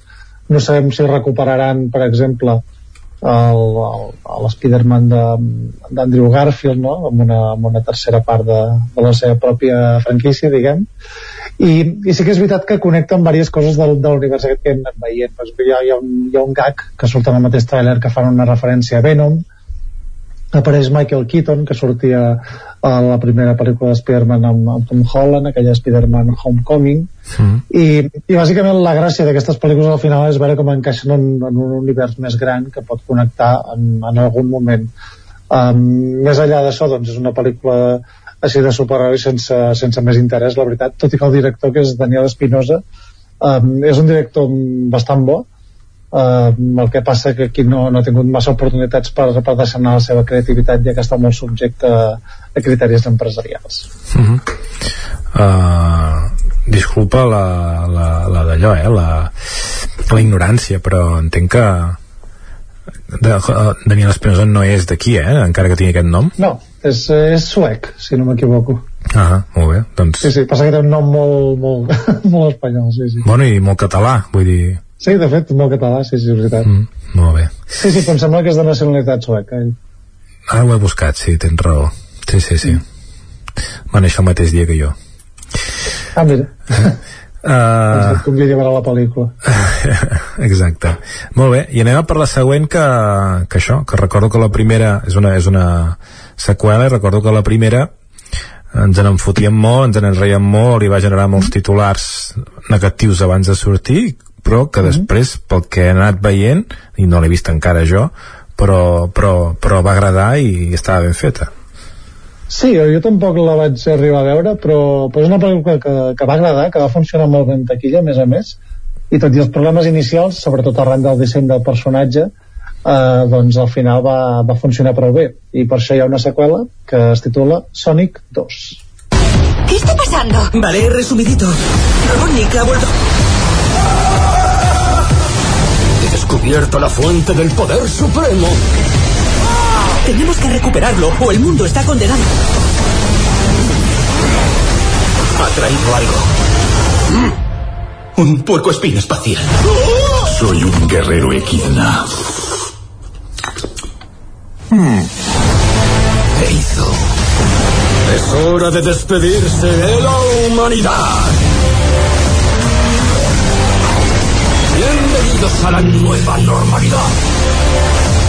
Molt bé, explica'ns una mica. de que seas un héroe. Uh, bé, és una pel·lícula això de- d'aventures, adaptació, òbviament, del videojoc de, de Sonic, i, i segueix una mica en la, en la línia de, del que és una seqüela, no? que és el mateix que la primera part, però més. En aquest cas ens trobem el, el mateix dolent, que és uh, aquest de Robotnik interpretat per Jim Carrey, completament esbojarrat, per tant, funciona bé, uh, que també aconsegueix un, una mena de, de compinxe, igual que Sonic, que també aconsegueix un company, i en aquest cas l'aventura és trobar una mena de, de pedra preciosa com una gema eh, que conté una energia que pot servir per, per destruir homes i dintre d'aquesta premissa doncs és el mateix, aquesta mena d'acció frenètica associada òbviament a aquesta hipervelocitat de, de Sonic no? que és la gran característica de, del personatge. Eh, amb molts punts de comèdia i sobretot això una aventura enfocada fonamentalment al públic infantil. Això un entreteniment um, diguem que ben fet en el, en el seu punt just, amb molts efectes especials i, i la resta és història. És, és sobretot això una pel·lícula descaradament pel, pel públic infantil sense buscar cap mena de, eh, de complexitat més enllà d'oferir un entreteniment espectacular. Mm. Però és això, és com aquella pel·lícula de Pokémon que deies, ui, quina mala pinta, però després encara era entretinguda, eh? sí, exacte Molt Sí, bé. sí.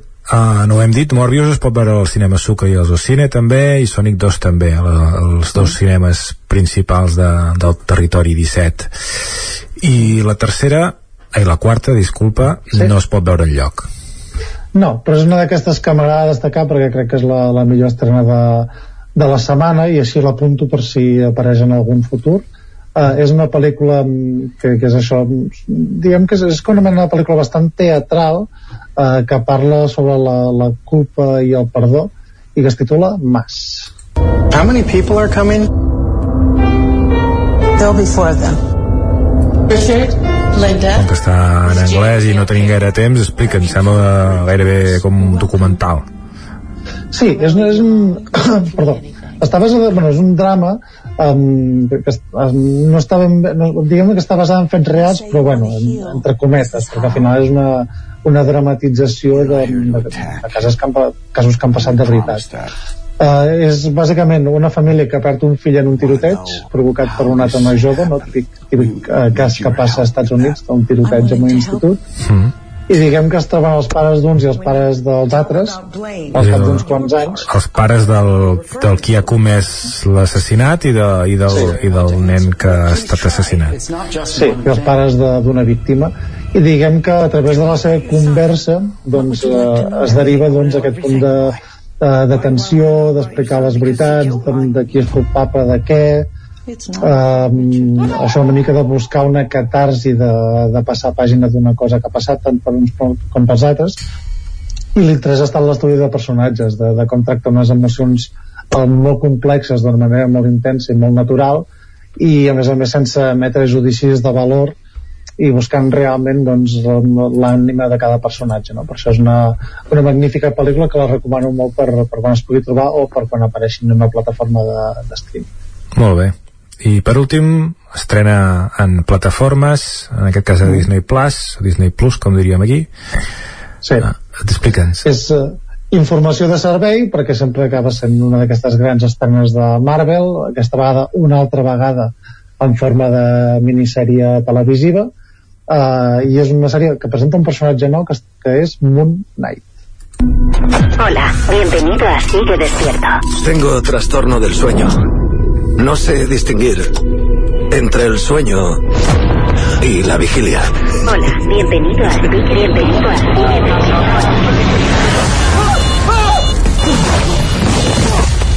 Explica'ns, perquè això és personatge nou, que vol dir que no, no sortia als còmics o que encara no se n'havia fet cap pel·lícula? Entenc que és còmic sí, no? Sí, sí, sí, però encara no, no havia aparegut en, en l'univers uh, cinematogràfic de Marvel. Um, I és un personatge bastant curiós, perquè és un, és un exsoldat o exagent de la CIA també, que, que té un trastorn bipolar i té com, això, com una mena de desdoblament de personalitat i viu com en una paranoia constant i es converteix en una mena de superheroi que és, que és aquest cavaller lluna que representa que és una mena de déu de la lluna o un déu egipci, una història així, una mena de, de déu venjador um, que, que ell se l'imagina i que l'adopta com, com una pròpia personalitat. Um, L'interès d'aquesta sèrie bàsicament és que busca un to completament diferent del que ha fet Marvel fins ara. Uh, juga bastant amb, amb els gèneres per exemple amb, amb el terror sobretot i, i també amb l'aventura el que és el sentit de l'aventura més, més clàssic i a més a més amb aquest personatge tan, tan confós i tan, i tan complicat no? que és molt difícil empatitzar-hi perquè et caigui bé d'entrada i a més a més amb un grandíssim actor com és uh, Oscar Isaac que, que és el, el que l'interpreta uh, més enllà d'això només dir que hi ha el primer capítol ja uh, a Disney Plus ja estaran setmanalment els dimecres i, i a partir d'aquí doncs uh, ja, ja anirem parlant si un cas a veure com avança però el primer capítol és, és bastant prometedor perfecte, molt bé i per sort això, eh? en aquest cas no cal tenir coneixements previs de l'univers Marvel perquè no. que és una cosa nova no, Molt... òbviament també tindrà les seves connexions amb coses ja fetes, imagino, però, però bé, um, de moment això, ens quedem amb aquest personatge no? I, i sobretot busca aquestes textures diferents amb el, amb el que fan habitualment no? que és un estil més, més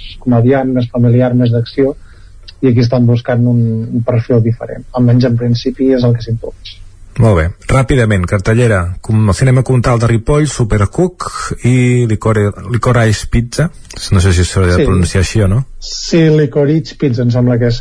Uh, molt recomanable, la pel·lícula de Paul Thomas Anderson, això sí, dura 3 hores, uh, però, però aneu-la a veure i, i l'altre és uh, cinema infantil en català. Molt bé. Uh, més, Cinema Catalunya de Ribes, uh, competència oficial Sí, és aquella pel·lícula protagonitzada per Penélope Cruz, Antoni Banderas i Òscar Martínez, de, de direcció argentina, eh, sobre eh, diguem aquestes desavinences morals que, que passen en el món de l'espectacle i en aquest cas en el món dels. A les va jugar de 10, un amor intranquilo.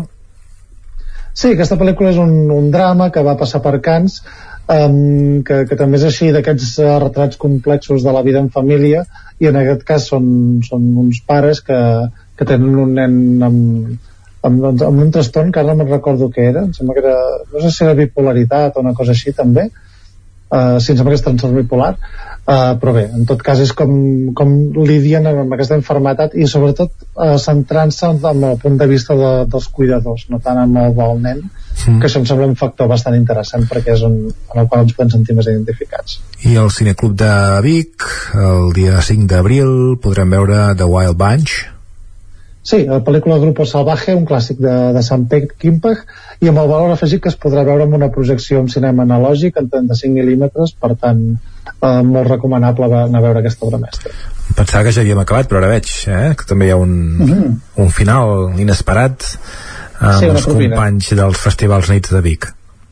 Sí, perquè aquest eh, dissabte eh, presenten la, la nova edició del festival, així amb una roda de premsa, i s'ha plantejat com un acte festiu que dura tot el dia.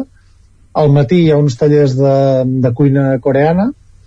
Uh, llavors a la tarda es fa una roda de premsa hi ha una projecció d'una pel·lícula d'acció que es titula Raging Fire protagonitzada per, per Donnie Yen també un clàssic del, del cinema d'acció oriental i llavors a la nit al Casino de Vic hi ha un programa doble que, que ja s'havia de fer durant el festival però que no es, no es va poder fer arran de, de la pandèmia de que s'havia d'acabar d'hora i és una sessió golfa amb robòtrics i de Sign of Gamblers, eh, mm. pel·lícules eh, dels anys 90 així d'acció, cafre, comèdia, erotisme eh, ideals per una sessió golfa molt bé, doncs en parlem ben aviat també del Festival Nits. Gerard, moltes gràcies. Fins la setmana vinent. Moltes gràcies. Adéu-siau. Adéu. Doncs vinga, Joan Garcia, Gerard Fosses, moltes gràcies per acostar-nos, com feu cada setmana, a l'actualitat cinematogràfica. Una actualitat aquesta setmana marcada pels Oscars, la gran festa dels Oscars que va tenir lloc la matinada de diumenge i ja ens avançàveu fins i tot detallets del Festival Nits de Cinema Oriental que es farà a Vic aquest estiu. Amb cinema, doncs, tancarem un programa d'avui on hem anat fins i tot fins a les fronteres d'Ucraïna. Com sempre us hem acostat tota l'actualitat de les nostres comarques, us hem mantingut al dia i us informem que encara continua tancat l'eix de bracons per aquestes mobilitzacions que s'estan fent eh, des de primera hora del matí arran, bé, primer per criticar del malestar que hi ha al món pagès eh, arran de l'alça de preus eh, que hi ha en molts sectors i sobretot en matèries primeres vinculades a l'àmbit agrari, però també perquè ha sortit la licitació de la variant de les preses, en aquest cas que travessa pel mig de la Garrotxa i sembla que no acaba d'agradar evidentment doncs, el sector primari perquè bé, es suposa molts dels camps per on ha de passar aquest futur eix que vertebraria eh, la, el lligam entre Vic Olot que està una mica empantanegat des de fa un cert temps. Bé, d'això us n'hem anat informant durant un programa d'avui on també hem tingut temps per anar a la plaça, l'espai de nova economia digital amb Maria López des de Ràdio Televisió de Cardedeu. També hem parlat d'un parell de cardedeuencs que es van atensar fins a la frontera amb Ucraïna per donar menjar, solidaritzar-se amb tota la gent que ha d'anar a l'exili des d'aquella de, des zona. Hem conegut de primera mà doncs, el seu testimoni. Ens ha visitat en Jordi Soler, que cada 15 dies ens alegra interiorment amb sessions de PNL i moltes coses més. Però ja sabeu que no us deixem pas a l'estacada, eh? Demà tornem i us farem companyia, com sempre, des de les 9 del matí i fins a les 12 del migdia. Salut, que vagi molt bé i fins demà. Adéu-siau.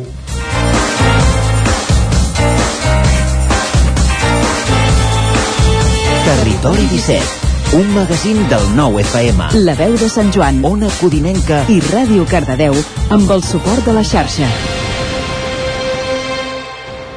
El nou FM